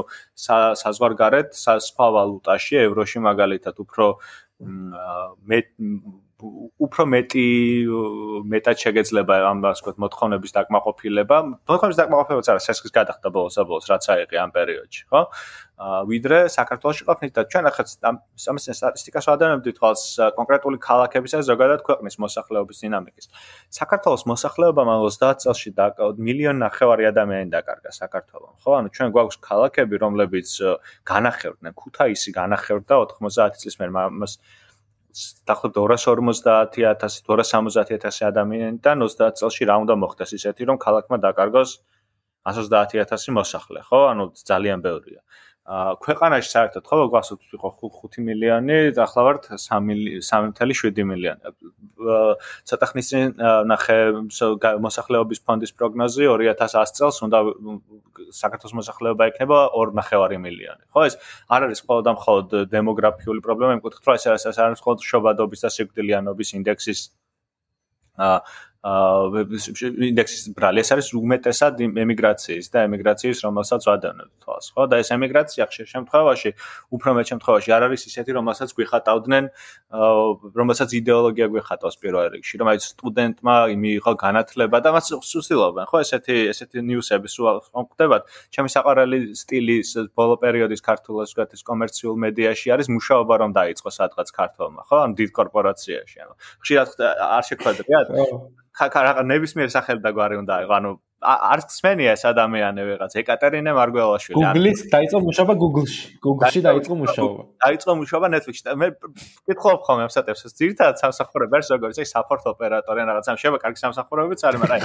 ძალიან ძალიან ჩოვლებრივი რაღაც რა. ნუ ანუ მიღწევა რომელსაც ვთქვათ გისახავს იდეოლოგია მედიისგან გავლით არის რომ აი შემაგათა წახვედი ცოტა ხანი ისწავლე და მე დაიწყე მუშაობა, ანუ that's it, ანუ შეშედეგი როგორც ადამიანი, ხო, მაგრამ ესეთი success ეს ეს ეს საქართველოს მაგალითად საქართველოს შემოთმიგაციას ეს success story არის ყველაზე ცუდ ყველაზე უბედურება ეს არის ხო ანუ ის რომ Netflix-ის support operator-ად დაიწყო მუშაობა ანუ ეს შენი success story-ა ამგე ანუ ჩვენი შრომითი მიგრაციის უფრო დიდი ნაწილი რაღაც ასობით ათასობით ადამიანი ეს არის უმეტესად არალეგალურად დასაქმებული სამხრეთ ევროპის ქვეყნებში, იტალიაში მაგალითად, საბერძნეთში, ესპანეთში. და ასე შემდეგ ასევე დიდი ასე ვთქვათ კრიმინალური დიასპორა, რომელსაც ხშირად უყურებთ ხოლმე ყურს, მაგრამ ანუ ეს არსებობს ეს და არის ეს ძალიან დიდი პრობლემა, პერიოდულად ლეგენდარული ნიუსებით გვიბრუნდებიან ხოლმე, ისინიც ვიღაც ძალიან ცნობილ ადამიანს გაძარცვავენ ხოლმე ესპანეთში მაგალითად ან იტალიაში და ყოველთვის რაღაც აღმოჩენ რომ ბოლოს არის ანუ რა ხდება ხო? საი საი ბოლოს მივდივართ იქამდე რომ ანუ შევქმნით რაღაცნაირად 70 წელს ისეთი ქვეყანა სადაც გაჩერებას სადაც ასე ვქოთ, ღირსეულ შრომას, ხო, ექთანი ერთ-ერთი ყველაზე ღირსეული პროფესია, დაფასებული პროფესია და დაფასებული სამუშაო არის ნებისმიერ საზოგადოებაში, სადაც არ უნდა ამიხვიდე და სადაც არ უნდა ეკითხო, ხო? აა მათთვის ასე ვქოთ, ეს ექთნის ცხოვრებაზე უფრო აა წარმოსადეგი და წარმოსადეგი არის უფრო მისაღები, რომელიც შენს ხარჯებს დაფარავს. გამოდის ესე ვთქვათ უკანონო ან ემიგრანტული შრომა და ახლა სახელმწიფოს განხედავთ მესიჯს რომ ანუ ეს ყველაფერი კი უნდა მოვაგვაროთ როგორც პრობლემა რომ ანუ ეს ამაზე მინდა გამესვა ხაზი კი უნდა მოვაგვაროთ როგორც პრობლემა რომ აქ დავიწყოთ უკეთესი შრომითი პირობების შეთავაზება აქ დავიწყოთ სიტუაციის გამოსწორება თუნდაც ფინანსიალიზაციის წინააღმდეგ ბრძოლა ვალიანობის წინააღმდეგ ეხლა ვიქნებ დაკანონებას ამ ყველაფრის, ხო? ანუ ეს 30 წლიანი ისტორია, რომელიც იყო საქართველოს ძირთად ეს ვთქვათ არალეგალური ემიგრაციის, ახლა ვიწყებთ ამ ლეგალურად ამ ყველაფრის გაკეთებას. რაც არ ამგონია დიდი შვება იყოს ჩვენთვის როგორც საზოგადოებისთვის, როგორც ეს ვთქვათ საზოგადოებრივი კულტურისთვის, ხო? ფაქტობრივად გამორიცხავს ეს ყველაფერი ის, რომ გერმანიაში არის აა გერმანიაში უკეთესი პირობებია შრომის, ოკეი, რა თქმა უნდა, ანუ არავინ არ უარყოფს მაგას, მაგრამ აა ჩვენ უნდა გვანდომებდეს იმას კი არა რომ გერმანიაში წავიდეთ საშრომად, უნდა გვანდომებდეს ალბათ უფრო იმას რომ ან ჩვენ რომ ნორმალური საზოგადო სახელმწიფო გქონდეს, ხო? უნდა გვანდომებდეს იმას რომ ჩვენ შევქნათ ეს ნორმალური პირობები, ხო? მაგრამ აი ამას ამას ვერაფრით ვერ ხედავთ რა, ამას ვერანაირად ვერ ხედავთ ასპარეზზე და საბოლოო ჯამში სად მიგვიყვანს ნამდვილად ეს აი ეს ეს ხო ჩემი კითხვაც აქამდე მინდა და რომ გადმოსულიყავთ, აი რას ხედავთ ამ ყველაფრის შემდეგ, ხო? ანუ ერთი არის ეს ძალიან ვთქვათ ცუდი სცენარი, რომელიც რა თქმა უნდა, რომელსაც რომელიც ამარტივი დასანახია, ანუ რა რაშრომით პირობებზე და რაშრომით პოლიტიკაზე უნდა იყოს ლაპარაკი, ხო, უკვე ქვეყანაში, როცა თუ მიიღებ ისეთ სიტუაციას, რომ ნახევარი ქვეყანა სამი თვის ხოლგან მუშაობს და აქ ჩამოდის დანარჩენი ცხრა თვე, ხო? აი რა საერთოდ უნდა გქონდეს საუბარი. მაგრამ აი რას მივიღებთ საბოლოოდ? აი ეს არის თქვენი ჩემი შეკითხვა, თქვენ როგორ ხედავთ საბოლოო ჯამში ამას? მოკლედ დავიწყე პირველ რიგში იქიდან რომ ანუ ჩვენთან საერთოდ არ ხდება კრიტიკული გააზრება იმპერიალისტურ ცენტრებთან ურთიერთობის, ანუ პერიფერიის და ცენტრის შორის ურთიერთობის. ანუ ვერანაირად ვერ აღიქვავს საქართველოს ელიტები ასაღებენ ევროკავშირთან თავისუფალი ვაჭრობის და თავისუფალი მიგრაციის ხელშეკრულების კრიტიკული გააზრება არ ხდება. ანუ დადებითად არის ეს საქმე და ხშირ შემთხვევაში ჩვენ ვერ ჩვენ საზოგადოებაში არის დაფარული ის რომ ხშირად ეს არის გარანტი ევროპისთვის ახალი ბაზრების გახსნის, ევროპის პროდუქტის ახალი ბაზრების გახსნის და იაფი მუშახელის მიღების, რასაც მაგალითად გერმანელი არ დათანხმდება იმ პირობებზე, დათანხმდება ქართველი. იქიდან გამომდინარე, რომ ანაზღაურება არის შედარებით მაღალი, თუმცა არ არის ეს მიღებული. რაც შეეხება დემოგრაფიას, ხო შეიძლება ძალიან კარგი კითხვა არის, ამას უნდა გავუსვა ხაზი ბოლოს და 5-30 წლის მანძილზე. პოსტსაბჭოთა აღმოსავლეთ ევროპის ბლოკი არის ერთადერთი რეგიონი მსოფლიოში, სადაც არ ხდება დემოგრაფიული ზრდა.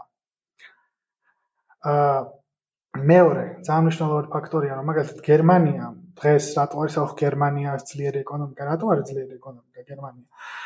მიიღო ძალიან დიდი რაოდენობით ეგრეთ წოდებული ტვინის გადინებით, მიიღო ძალიან დიდი რაოდენობით კე კე კე იმიგრაციული შრომები, შრომელები, უნარიანი შრომელები, რომლებიც ყავდა საბჭოთა ქვეყნებს, რომელიც იყვნენ საკმაოდ მაღალ კვალიფიციურები.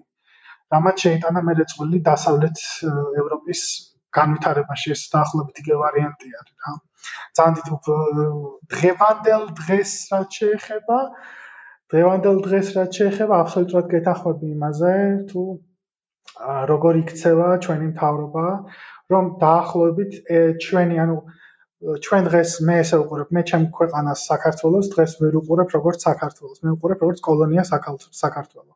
საიდანაც ხდება ამოღება როგორც ფინანსური კაპიტალის, ხდება ამოღება როგორც რესურსების და ასევე ხდება ამოღება შრომის ძალის, იქნება ეს ადგილობრივ დონეზე შრომელების ექსპლუატირებით სხვადასხვა გზით, თუ ხდება ქართული შრომელების ექსპლუატირება იაფი მუშახელის გზით. აქედან გამოსავალი ჩემი აზრით არის ის, რომ ხშირ შემთხვევაში სამწუხაროდ მემარცხენე ძალები არის გაფანტული. არ ხდება კონცენტრაცია კაპიტალთან ბრძოლაზე. ძალიან ხშირია, როდესაც მაგალითად მშრომელთა ბრძოლებში გაუთვითნობიერებელი არის ჩვენი მემარცხენე ასე ვთქვათ წრეები. საერთოდ წარმოქმნა არა აქვს რა არის შრომასა და კაპიტალს შორის ბრძოლა არის აბსტრაქტულ დონეზე არის ეს ყველაფერი განხილული. ეს არ შეიძლება იყოს აბსტრაქტულ დონეზე განხილული, რომ ჩემთვის როგორც, ну, ეხა მარცხენობა ფრართემცნება არის ჩემთვის როგორც სოციალისტისთვის, ანუ ქვაკუთხედი მაინც ამოდის შრომისა და კაპიტალიზმის დაპირისპირებიდან, რა და უფრო მეტად ვისურვებდი, რომ აა მემარცხენე ეგრეთ წოდებულ სოციალისტურ პროპკავშირებთან ბრძოლაში გვერდში მაინც ვიხილოთ ჩვენი მშრომელები, იმიტომ რომ სპონტანურობა არის ყველაზე დიდი დამღუპველი მემარცხენეობის და რეაქციონულ მდგომარეობაში ყოფნა. ჩვენ თუ ვიქნებით მხოლოდ და მხოლოდ რეაქციონულ მდგომარეობაში ყო, ვიქნებით რეაქციონულ მდგომარეობაში და ჩვენ დღის წესრიგს არ შექმნით, გვექნება ყოველთვის რეაქცია, რასაკეთებენ მემარცხენეები და ამასობაში ჩვენ ვერაფერს ჩვენით ვერ ქმნით და დამოკიდებული ვართ იმ დღის წესრიგზე. და ვერ მოახერხებთ იმას, რომ საქართველოს შექმნა ძლიერი შრომის მოძრაობა, ხო, ძლიერი შრომის მოძრაობა სჭირდება რა.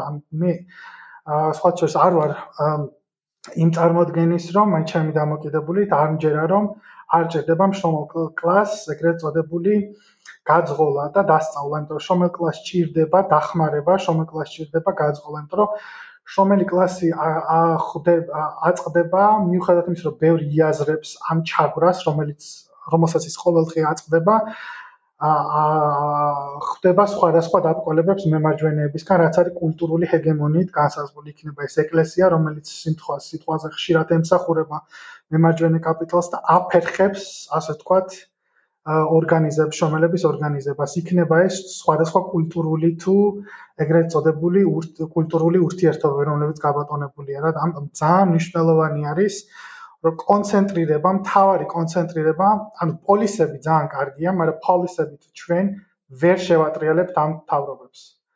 თავრობების მიერ შექმნილ პოლიტიკას ჩვენ გვჭირდება ძლიერი მწყობრი აა შრომელთა მოძრაობა, რომელმაც შეუძლია გატეხოს წელში ეს გაბატონებული ჰეგემონიური იდეოლოგია. იქიდან გამომდინარე, სხვა გზა არ არსებობს, სხვა ისტორიული ალტერნატივა არ არსებობს ამის. და ამ ამ აქ აი როგორ იცვლება აი იმის გათვალისწინებით რაც ვილაპარაკეთ თელი პირველი ნაწილი ხო? ეს სოციალური ქსოვილის რღვევა ხო? რასაც ამ რაც მოაქ შრომით მიგრაციას ხო? აი ეს თვითონ თვითონ შრომის ტრანსნაციონალურობა თანამედროვეობაში ხო? არაფორმალური შრომის ფორმები რაც ახლა ჩვენ უფრო და უფრო მეტი გვაქვს ხო? ეს რაღაც პლატფორმული შრომები და ეს მომსახურების ხელშეკრულებაზე გადასული მშრომელები ხო გლოვოები და ვოლტები და ესენი.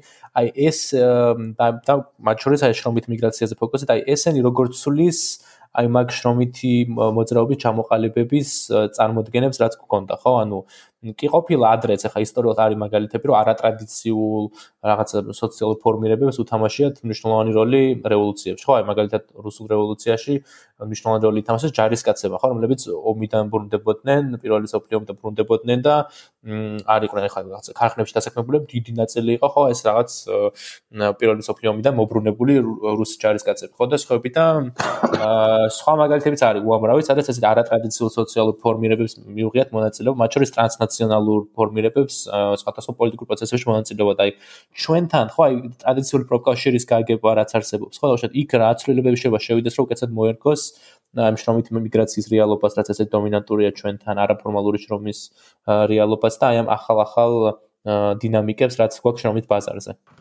პირველ რიგში გეთანხმები რომ ტრანსნაციონალური მოცემულობა რაც არის ეგრეთ წოდებული ჯაჭვი შრომის ჯაჭვი ქართულად მგონი სწორედ არის თვითონში შრომის ჯაჭვი ჯაჭვი ამ შემთხვევაში ტრანსნაციონალური ბრძოლა არის ზოგიერთ კორპორაციასთან გამოშლავალი იქნება ეს. გლობალ თუ ასრამერ თუ ასრამერ გარს ამის ძალიან კარგი პლატფორმა არის სხვა შორის ტრანსნაციონალური სოციალური გაფიცვის. სადაც ზუსტად ზუსტად მაკუთხით უდგებიან ა ამ საკითხებს. რაც შეიძლება ხეთ რომ პროპკავშირის პროპკავშირში პირველ პირველ რიგში იმაზე იმის უნდა ვთქვა რომ პირველ რიგში საჭირო არის პროპკავშირის შექმნა ეგ არის მეორე ეტაპი, ანუ რაზეც საუბრობ და აბსოლუტურად გეთანხმები.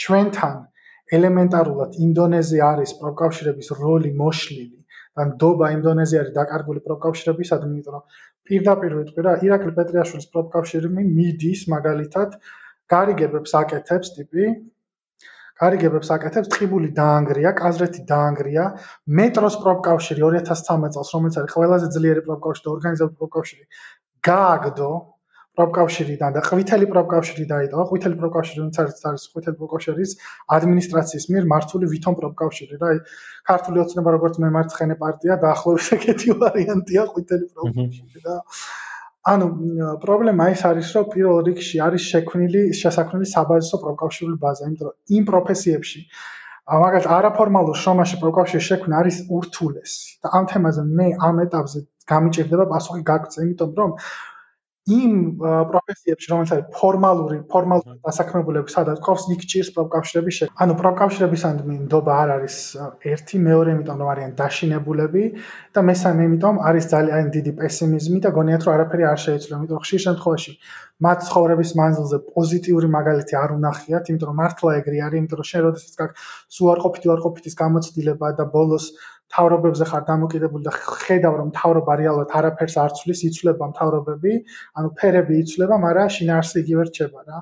ანუ ეგ არის, იმიტომ პესიმიზმია გასატეხი პირველ რიგში, ძალიან სერიოზული პესიმიზმია გასატეხი და ადგილობრივი ბრძოლებით, მაგალითად, გაფიცვებით ხდება ამეების მოგება. უბრალოდ საჭირო არის უფრო მასშტაბურ დონეზე გადავიდეს ეს რა.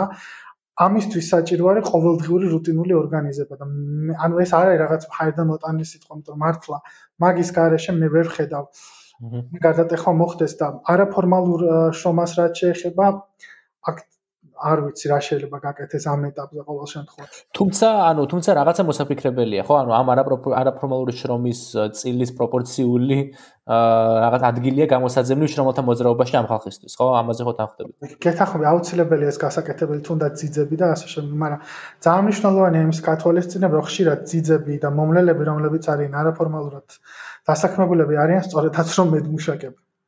რომლებიც საკმარის ხელფასს ვერ იღებენ სამუშაოზე და ეხლა რამდენიმე ჩემი პროფკავშირი სოლიდარობის ქსელის ექტანი უარს ამ უარი თქვა ექტმა უარი თქვეს თავიანთ პროფესიაზე იმის გამო რომ უკეთესი ანაზღაურება თუ არა უკეთეს პირობებში უწევდათ მუშაობა როგორც შინაური მომლელები და იყვნენ დასაქმებული არაფორმალურ სექტორში.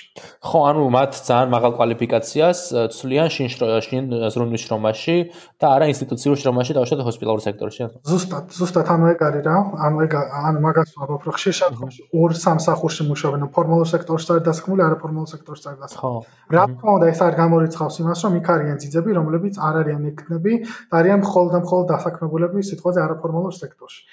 რომელთა ორგანიზებაც აუცილებელია, მაგრამ ამ ეტაპზე ძალიან პრობლემატურად ვუყურებ ამას.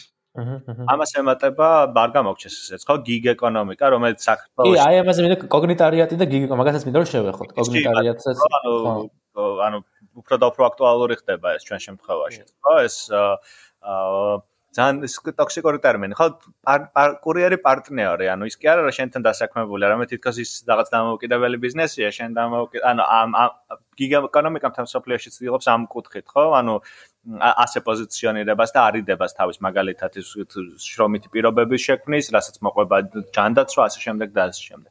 ცოტა ხნის წინ იყო თორშტები ეს Uber-ის ცხოლები, როცა აღიარა რომ თორშტებს საფრანგეთში იყო, როცა აღიარეს და საქმებულებად და მათ უკვე ოფიციალურად მიიღეს უფლება რომ მიიღონათ უფრო ჯანდაცვის გარანტიები, შრომითი პირობები და შემდეგ, იმიტომ რომ გიგაეკონომიკა შრომის კუთხით ძალიან ისე ვთქვათ საფათო რამეა, ხო? მან დამოკიდებული ხარ თავიდან ბოლომდე შენს თავზე. თუ რამე დაგემართა, მაგალითად თუ გაცივდი ან თუნდაც იგივე კორონავირუსი დაგემართა, რაც ორი კვირა გამოგტოვებს სამსახურიდან, გამოდის რომ ანუ არანაირი პასუხისგებლობა შენზე შენი დამსაქმებელი არ იღებს. ჩვენ ცოტა ხნის წინ გქონდა ხო გლოვოს კურიერების აქცია, რომელსაც ქონდა გამოხმაურება საქართველოსში რა. ანუ აი ამას ამასაც კითხავ თქვენი პოზიცია როგორია? თქვენი აზრი როგორია? როგორ უნდა მოხდეს ჩართვა გიგ ეკონომის დასაქმებულების, თუნდაც იგივე აა ამ სექტორში რომელზეც საუბრობთ და რანაბიჯები არის აუცილებელი რომ გადაიდგა სამხედრო სახელმწიფოსგანაც და რა თქმა უნდა მემარცხენე საზოგადოებისგანაც როგორი პოზიცია უნდა იყოს აზრი.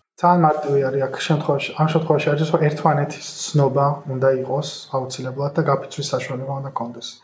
რეალურად მათ მოახერხეს პირობების გამოჯობესება გაფიცვით რა, ანუ შრომელების თავი იარაღიც არის გაფიცვა.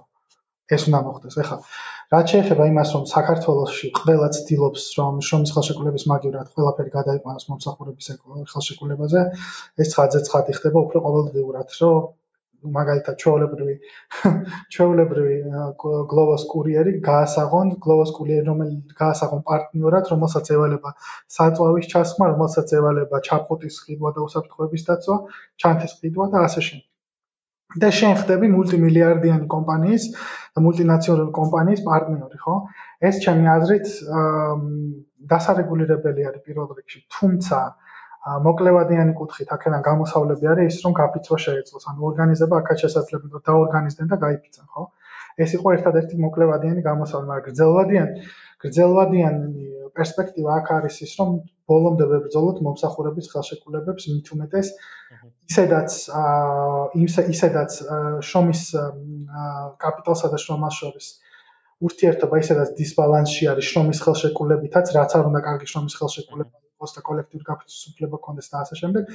მით უმეტეს, როდესაც ვითომ კაპიტალი და მშრომელი არის ორივე ერთად კაპიტალის წარმოადგენს, ხო? რაც არის აა ვითომ გათანაბრებული და პირიქით უფრო დიდი ჩაქვრის წინაშე და უფრო დიდი ექსპლუატაციის წინაშე აყენებს და ზის ჩაქვრის ხარებს შრომელების, იმიტომ რომ თავისთავად შრომელები არიან ეს კურიერებიც, ხო?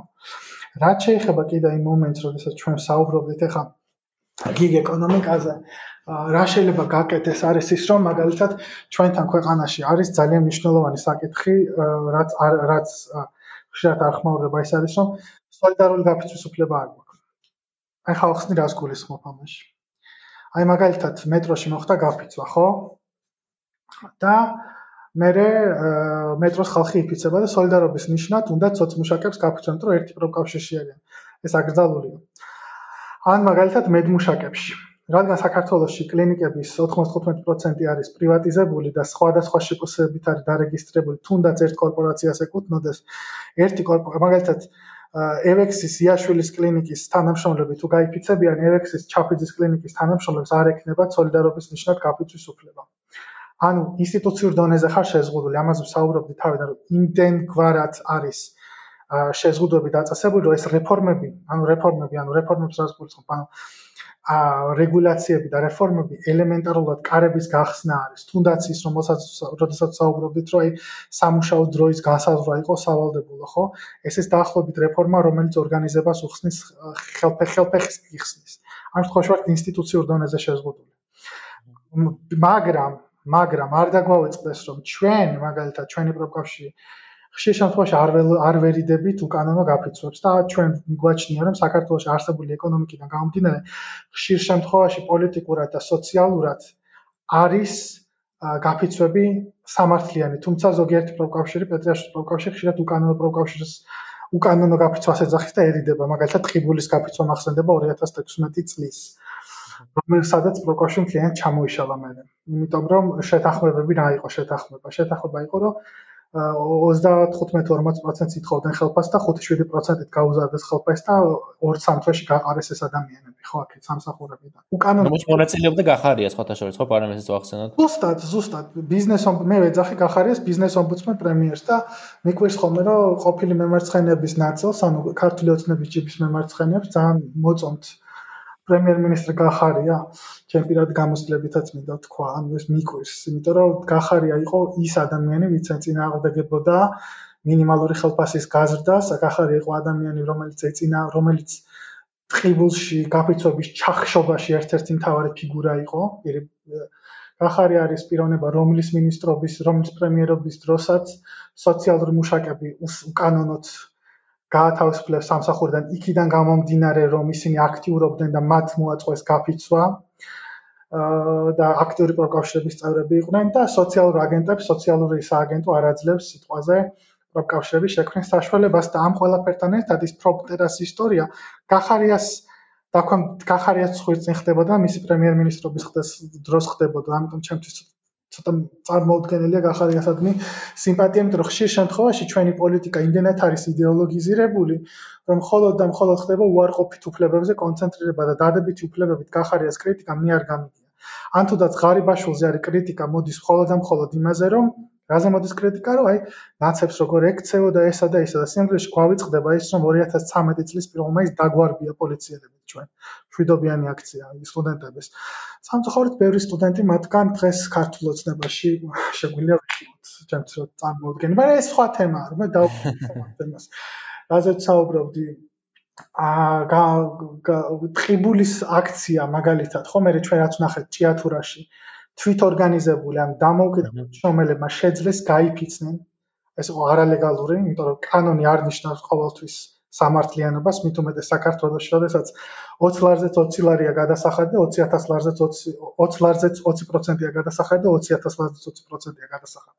სამართლიანობა ჩვენთვის არ არსებობს. მაგალითად, მიკამელიას დაპატიმრება პრობლემურია თორემ მაგრამ ზურაბაშვილის დაპატიმრება თორემ მოსულა. ნუ აი დაახლოებით ესეთი ნარატივები რაც ბატონობს ჩვენთან საქართველოს, რომ ზურაბაშვილმა გააპროტესტა ის სოციალური მოცემულობა. ამასობაში მელია იბრძვის უბრალოდ ძალაუფლებისთვის, ხო? ანუ რეალურად მეტი არაფერი არ არის, ხო? ყოფილი აღსრულების სამსახურის ხელმძღვანელი. ყოფილი აღსრულების სამსახურის ხელმძღვანელი, რომელსაც ქართული ოცნება მაგუთხით პოლიტიკურათაც არ უკეთებს ანტირეკლამას, იცით რატომ? რომ თვითონაც იგივე თვითონაც იგივე იგივე სამ იგივენაირად ასახლებს ხალხს სახლებიდან რა და არა და არა და წეს როგორი ის არის არა? ანუ ხო ლანგარზე ერთმანეთს რაღაცა არის არა? მე ვაკეთებს, იმიტომ რომ ჩვენ ხო ხედავთ რომ ანუ ერთადერთი სხვაობა ქართულ ოცნებასა და ნაციონალურ მოძრაობას შორის არის ის, რომ ქართული ოცნება არის ეგრეთ წოდებული smart neoliberalism, ანუ ის არ ანუ აქციას როცა აკეთებ მის წინააღმდეგ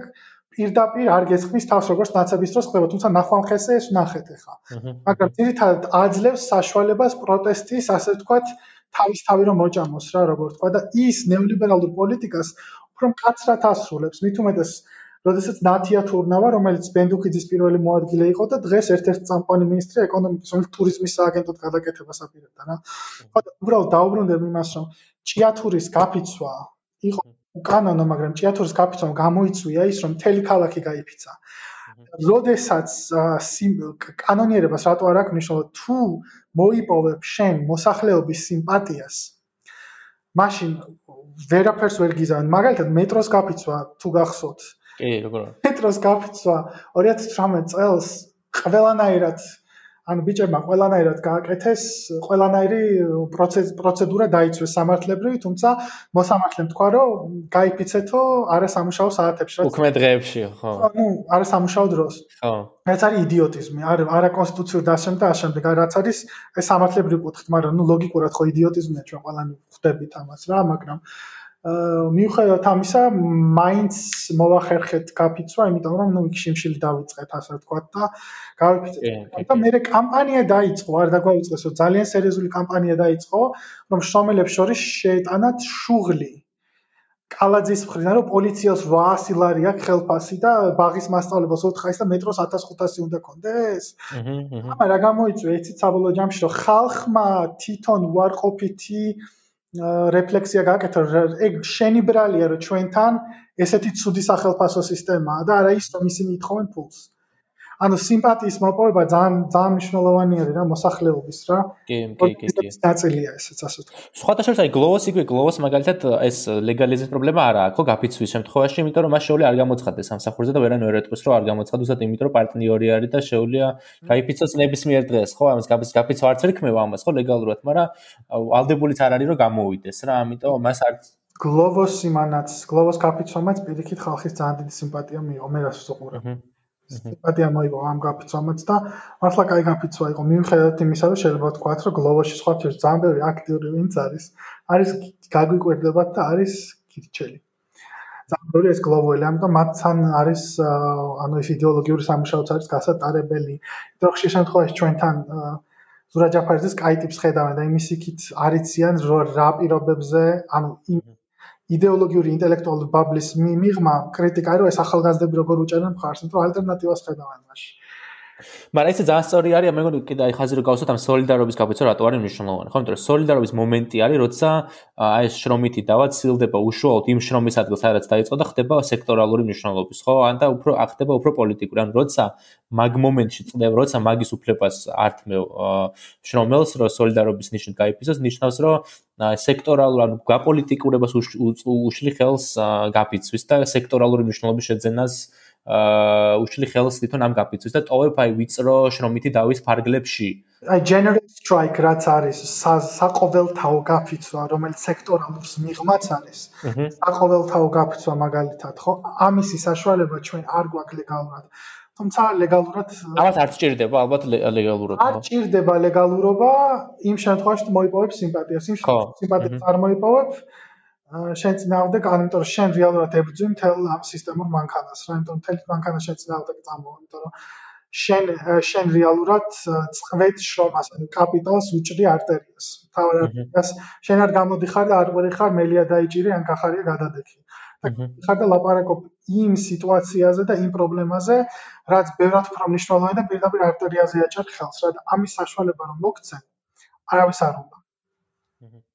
ამის გარდა ესეთი სიტუაციას შეზღუდვებით ხო და ამის გარდა აა ეს შრომითი მიგრაციას და ასე შემდეგ არის ერთ-ერთი ფაქტორი რის გამოც ვერ ყალიბდება და ვერ დგება ასე ვთქვათ შრომელის ეს კლასობრივი ერთობა ხო კლასობრივი ცნობიერებაც და კლასობრივი იდენტობაც ხო ანუ ეს არ არის თან ეს შემთხვევითი დამთხევაც.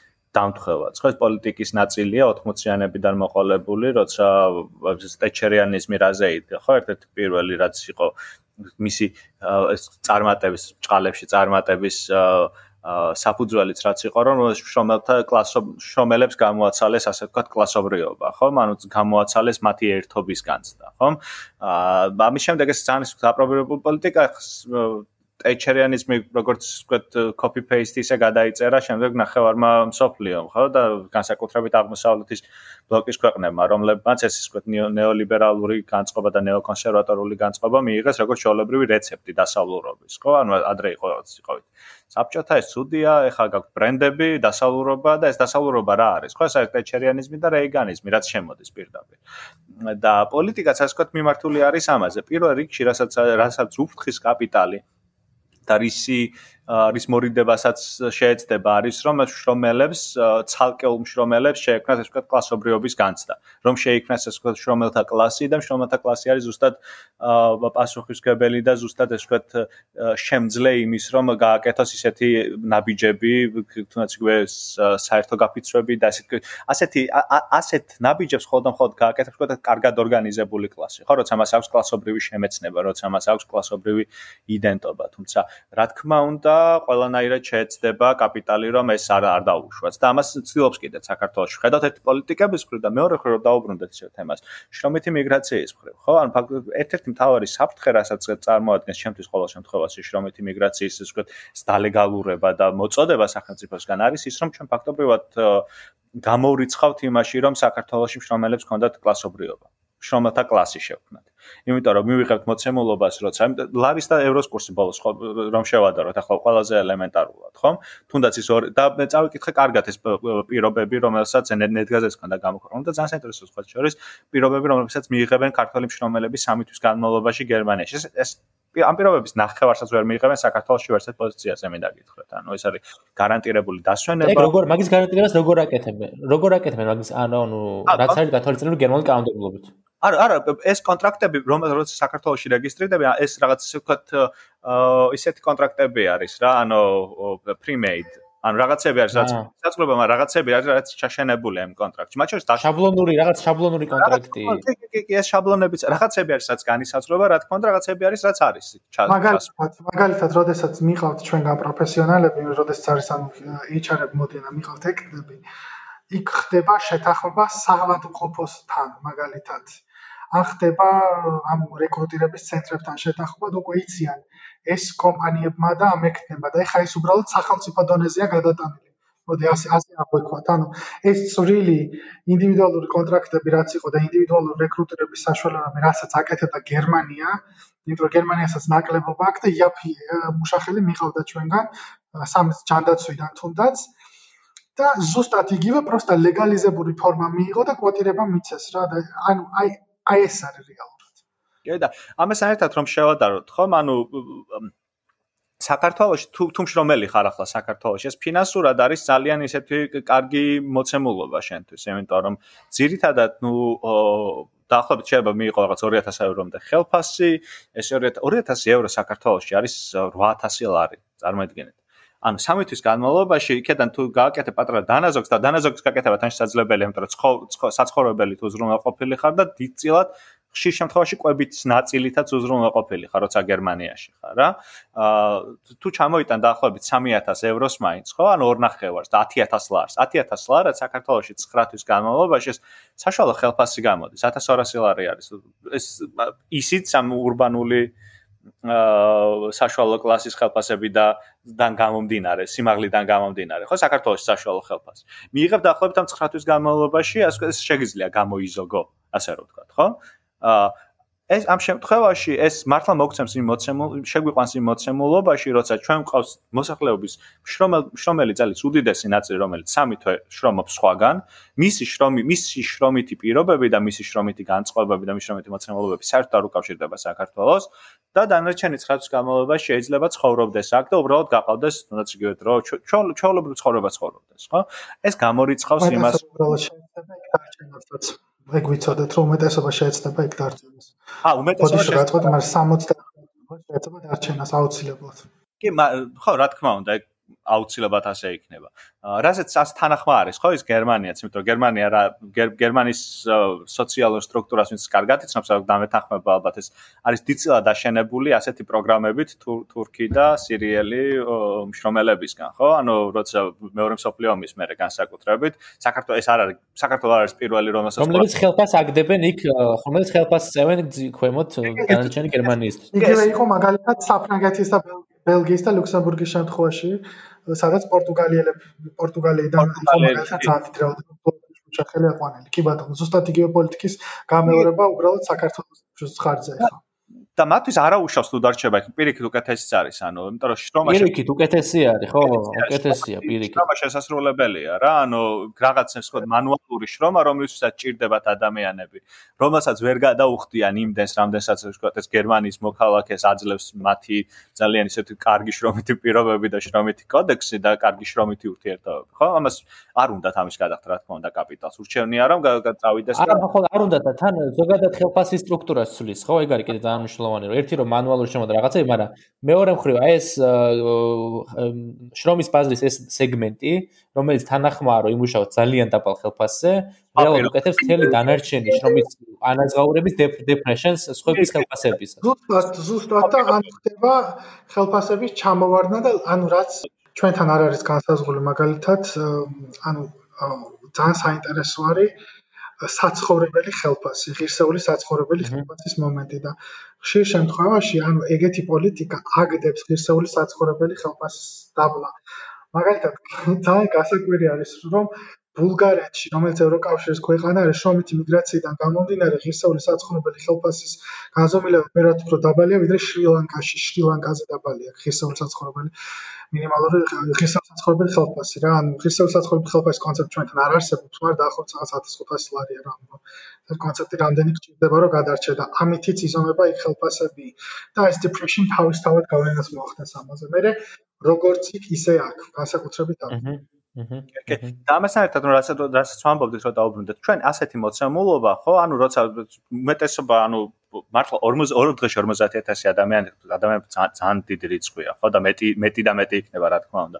როცა ისინი ან თუნდაც სეზონურად მუშაობენ და მოგროვებული ფულით უბრალოდ აქ ახდენენ რაღაც თავის გატანას ან რჩებიან და ასე შემდეგ ეს არ არის ხო შრომითი ენერგია და შრომითი შრომითი რესურსი არ არის ამოუწურვადი რესურსი ეს ანუ საკმაოდ ესე ვთქვათ რიცხობრივად ამოწურვადი არის დემოგრაფიული ამასთან ერთად ფაქტობრივად გამორიცხავს მოცემულობას, როცა შენ შეგვეძლება თქვა, რომ შრომ შრომელთა კლასი იარსებებს საქართველოს. ისედაც ხომ რა მდგომარეობაშია ახლა, ისედაც ხო რამდენად დასუსტებულია, მაგრამ კიდევ და კიდევ უფრო დაასუსტებს, რა თქმა უნდა, იმიტომ რომ ამ მოცემულობას დაემატება ჩვენი სერვისის სექტორი, ჩვენი გიგ ეკონომიკა, ჩვენი 0 საათიანი კონტრაქტები, რომელზეც დგას ეს სხვა ტურიზმზე მორგებული სექტორი და ეს delivery ფინანსიალიზაცია და გამოდის რა, რომ ანუ თითქმის გამოუვალი მდგომარეობა, ხო? ანუ ვცდილობ არ ვიყო ძალიან პესიმისტური, მაგრამ რასაც სიტუაციას, რასაც ხედავთ, ახლა 10 წლის შემდეგ რო წარმოვიდგინოთ, ეს იქნება თითქმის მოუბრუნებელი სიტუაცია, თითქმის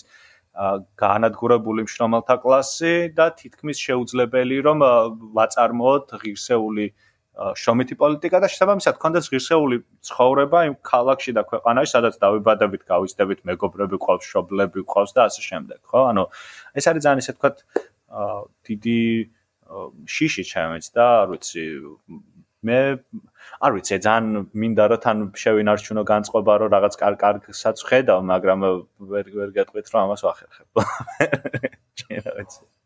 მე უფრო შედარებით უფრო პოზიტიურად იმიტომ რომ მე მაგალითად ჩემ პირად ისტორიას მოყვები იმიტომ რომ მე მაგალითად გერმანიდან გამოვიქეცი იმიტომ რომ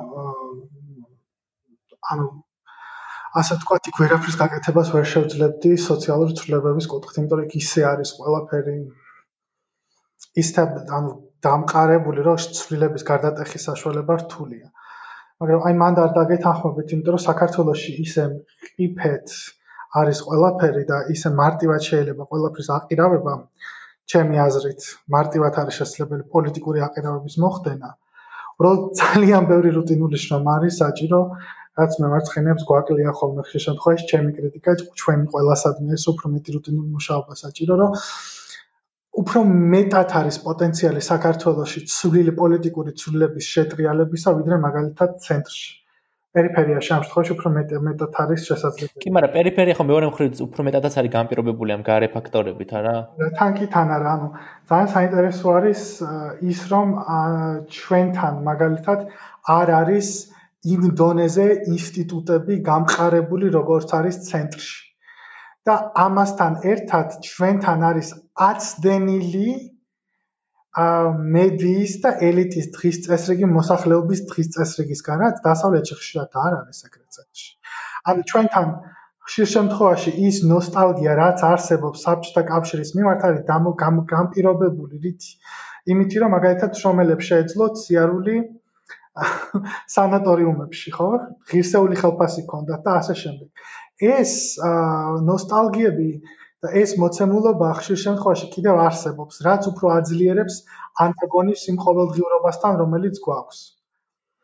და ვფიქრობ, რომ როდესაც არის ამხელა აცდენა პოლიტიკური ელიტების დღის წესრიგში, რომელიც გვესმის მედიებში და ჩვენი ცხოვრების ყოველდღიურობასთან ერთად, ჩვენ ყოველდღიურობასთან, უფრო მეტის გაკეთება შეიძლება თან არ დაგვაუწყოს, ინსტიტუტები ჩვენთან არ არის ესეთი ძლიერი.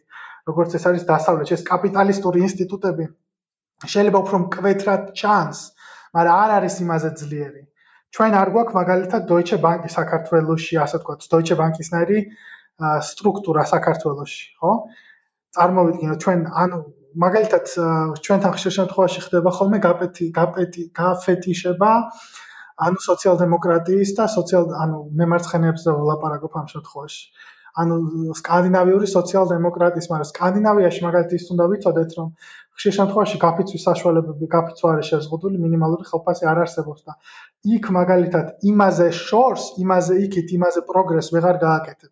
და ხშირ შემთხვევაში ამ შეზღუდვებით ნელ-ნელა რაც ხდება არის, რომ ნეოლიბერალიზმი ნელ-ნელა იპარება თუნდაც შვედეთში, იპარება თუნდაც დანიაში და არსებული შეზღუდვები, რომელიც მიღებული არის ამ გამყარებული სოციალ-დემოკრატიული ინსტიტუტებით, რომლებიც იქ არსებობს, ხშირ შემთხვევაში ამ გამოწვევებს ვეღარ პასუხობს რა. ჩვენთან ყველაფერი არის ძალიან, ასე ვთქვათ, ქაოტურ პირობებში და ერთის ხრივ ეს არის ტრაგიკული, იმიტომ რომ ანუ ესეთი სოციალური მოცემულია და ასე ვთქვათ, ესე გალესილი ხმალივით იქნებენ აქეთ-იქით ხმალს, თუმცა ჯერჯერობით ასე ვთქვათ, ავტომატი ქართულ კაპიტალისტებს გამოგონილი არ აქვს, რა თქმა უნდა, ჭყალებში რაც არის გამოგონილი, ანუ სტრუქტურიზებული არ არის ეს სიტუაცია. მე იმედიანად უყურებ ამას, რომ მაგრამ აი ელემენტარული სირე რეფორმისტული სოციალ-დემოკრატიული ცვლილებაც რო განხორციელდეს საქართველოს და ბიზნესმა ოდნავ მაინც რაღაცაზე რომ დააკეთოს. თანხმო ამას ჭირდება, ну მე არ ვიცი რა. და რაც უფრო დიდი არის ზემოდან დაწოლა, უფრო დიდი არის ქვემოდანაც ამოძახილი. ჩვენთან ჩემი აზრით პრობლემა არის ერთის მხრივ ორგანიზება და იმ პროტესტების თანმიმდევრულად თავში მოყრა, რაც არსებობს მოსახლეობაში, იქნება ეს შრომელთა კლასში თუ არამშრომელთა კლასის მოსახლეობაში, თუმცა ვფიქრობ, რომ ფრონტა კლასი უნდა იყოს წამყვანი ცვლილებებისა, იმიტომ რომ დანარჩენაერად იქნება ზედაპირული ცვლილებები, რასაც ისტორია და ფაქტები გვაძლევს და ეს არამეცნიერულიც იქნება და არარეალურიც და ამასთან ერთად ჩვენ უნდა დაუპირისპირდეთ მაქსიმალურად იმ ერთის ხრივ საერთაშორისო ლიბერალურ დღის წესრიგს და მეორეს ხრივ ამ საერთაშორისო დღის წესრიგთან დაპირისპირებულ გარკვეულ კონსერვატიულ რეაქციონელურ ასე თქვათ გაელვებებს შორის, რომელიც ხშირ შემთხვევაში არის სპონტანური და ხშირ შემთხვევაში კლავაც და კლავაც იგივე თამაშს ემსახურება, ოღონდ სხვანაირი დავარცხნელი სახით, ვიდრე ლიბერალების სიტყვაზე რა, ამიტომ აი ეს უნდა გამსაზროთ ჩვენ. და ძალიან ძალიან მნიშვნელოვანი არის შრომელთა კლასზე მუშაობა რა და სხვანაირად ცვლილება ელემენტარული ცვლილებები თუ გვინდა ვერანაირად ვერ ვერ გავაკეთებ და ბრძოლის გარეშე არაფერი არ გამოვა უბრალოდ არ გამოვა. და მე ვფიქრობ რომ ხშირ შემთხვევაში ძალიან ბევრი ყურადღების გადატანის საშუალება გვაქვს ჩვენ სამწუხაროდ დღეს იქნება ეს მატერიალური მოცემულობა, იმიტომ რომ როდესაც ჩვენ საუბრობთ ორგანიზებაზე, რომ შრომელებთან კონდეს კონტრაქტ კონტრაქტ რომ შრომელებთან კონდეს უ კონტაქტი ჩვენ არ დაგვაიწყოს რომ ჩვენც ადამიანებსაც სიტყვაზე სამსახური ჭირდება და შემოსავალი ჭირდება ხშირ შემთხვევაში ხო? რაც თავისთავად არის პრობლემატური იქიდან გამომდინარე რომ გადარჩე ელემენტარულად და კონდეს შენი სამშო ძალის კვლავ წარმოების საშუალება რომ მე მიხვიდე შრომელებთან და დაეხმარო დაორგანიზებაში ხო? ეს ამასთან ერთად კიდევ ხშირ შემთხვევაში არის ბევრი სხვა ყურადღების გამფანტველი და გამფანტველი ასე ვთქვათ მოცემულობები. იქნება ეს კაპიტალისტურ კარიერა კარიერიზმი რომელიც ხშირ შემთხვევაში სამწუხაროდ ბევრი მემარცხენე შეიწირა ამან ან აკადემისტური დამოკიდებულება რომელიც ხშირ შემთხვევაში კვლავ იგივე ჰეგემონიურ მდგომარეობაში გვაბრუნებს ჩვენ რომელიც დაწესებული არის და იმის მაგას შექმნათ ჩვენ ასე ვთქვათ ალტერნატიული ჰეგემონია ჩვენ ხდებით ამისი ნაწილები. ამიტომ ჩვენ ყოველთვის უნდა კონდეს განსაზღვრული ის პოლიტიკა და უნდა ვიყოთ პოლიტიკურად იმდენად პრინციპულები, რომ შესაძლოა კონდეს აკადემიური კარიერა, თუმცა ეს არ იყოს შენი მთავარი მამოძრავებელი ძალა, იმიტომ რომ აი ესეთ მნიშვნელოვან რაღაცებს საბოლოო ჯამში მე რასაკვირდები ძალიან მნიშვნელოვანია ხოლმე რა. ჩვენ გვჭირდება წყობრი, ორგანიზებული პოლიტიკა, რომელიც ჩემი აზრით ერთადერთი გამოსავალი არის რომ გავტეხოთ ეს რაღაც მონსტრული მოცემულობა, რომელიც ჩვენ ცხოვრებაში ამას შრომელთა კლასის garaშე, ორგანიზებული შრომელთა კლასის garaშე ვერანაირად ვერ შევძლებთ. და უნდა ვიყოთ მზად იმისთვის, რომ თანამედროვე გამოწვევებს დაუპირისპირდეთ, იმიტომ რომ გვაქვს გამოწვევები, როგორიც არის ტრანსნაციონალიზმი, ჩვენ გვაქვს გამოწვევები, როგორიც არის მომსახურების ხელშეკრულებები ჩვენ გვაქვს გამოწვევები როგორც არის მომსახურების სექტორის დადობა, შრომის ფემინიზაცია და ასე ვთქვათ აი ეს ყველაფერი ასათვისებელი არის იმისთვის რომ კაპიტალიზმის მიერ ამ განახლებულ ფორმებს ჩვენ შევხვდეთ სათანადოდ შეიარაღებული. დღევანდელ დღეს ხშირ შემთხვევაში, შესაძლოა ვამბობთ შრომელებს ბერმემარცხენაში მეც თავიდან ახლა რო ვიწყებდი, ისე წარმოადგენდა ქონდა რომ შრომელი იყო აუცილებლად ძიმე ინდუსტრიის წარმომადგენელი ამ შენობლობაზე დასაქმებობის მუშა. თუმცა არ უნდა დაგვაიწყდეს ჩვენ რომ ძალიან ბევრი ადამიანი რომელიც არის ჯანდაცვაში და რომელიც არის მოსახურების სექტორში, მათი წილი ბევრად უფრო მაღალი ახლა როგორც შრომელების და ეს მნიშვნელოვანი არის და ასევე არ შეიძლება გავნდევნოთ ქალების და ქალების შრომის საკითხი. აჰა.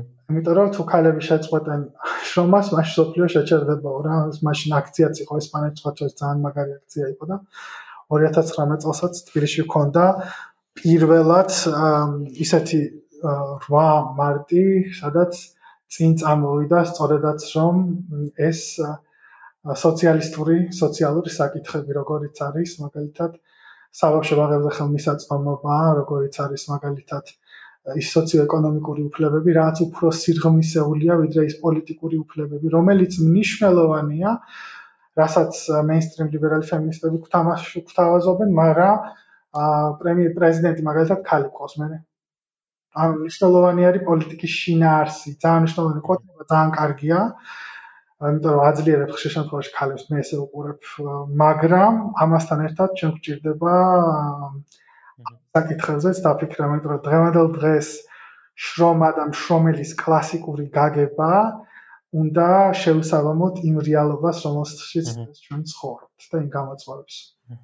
ერთი მოკლედ რაზეც თანხდებით, მე მგონი ყველანი არის, რომ როგორც არ უნდა განვითარდეს მოვლენები, ან ესე როგორც ახლა მიდის, ეგრე ვერ გაგრძელდება. მე მგონი ყველათვის აშკარა არის, რომ აი ეხა რა ტრაექტორიასაც მიუყვებით, ეს ტრაექტორია დიდხანს ვერ გაგრძელდება და რაღაცები აუცილებლად შეიცვლება და ამ რისკთან ერთად არის ალბათ ეს პოტენციალი, რომ რაღაცების უკეთესობისკენ წავიდეს, იმიტომ რომ ეს რო ის კურსი, ეხანდელი კურსი არამდგრადია და საკუთარი თავის კვალიფიკაციასაც რო ვერ უზრუნველყოფს, ეგ ჩანს აბსოლუტურად ყველაფერში, მარცხნივ, მარჯვნივ, ეკონომიკურად, კულტურულად თუ სოციალურად ყველანაირად და ამ ცვლილებების პოტენციალში არის ალბათ ზუსტად ეგ იმედიც, რომ რაღაცა უკეთესობისკენ შეიცვალოს. ძალიან დიდი მადლობა რეზისტუმრობისთვის. ყოველ საინტერესო შენ მოსმენა და ამ თემებზე საუბარი და ხო აუცილებლად გავაგზავნებთ ხო გონზო ამ თემებზე საუბარს ამ და რაღაცნაირად შევეცდებით რომ ეს იყოს სივრცე სადაც აი ზუსტად აი ეს თემებზე მეც ვისაუბრებთ ამ ცვლილებებზე რაღაცნაირად ციფრიზლეზე რომ ამ ცვლილებებში რაღაცნაირად ჩვენი ადგილი ვიპოვოთ და ხო, სხვებსაც ხოიც იმედია ჩაერთვებიან ამ ჩვენ დისკუსიაში. სხვადასხვა თავიანთი სხვადასხვა პერსპექტივებიდან და სხვადასხვა ინტერესებიდან. აა ძალიან მადლობა. დიდი დიდი მადლობა რაზე. დავშვიდობთ ჩვენს სმენელსაც. ძალიან დიდი მადლობა გეტა. მომავალ შეხვედრამდე.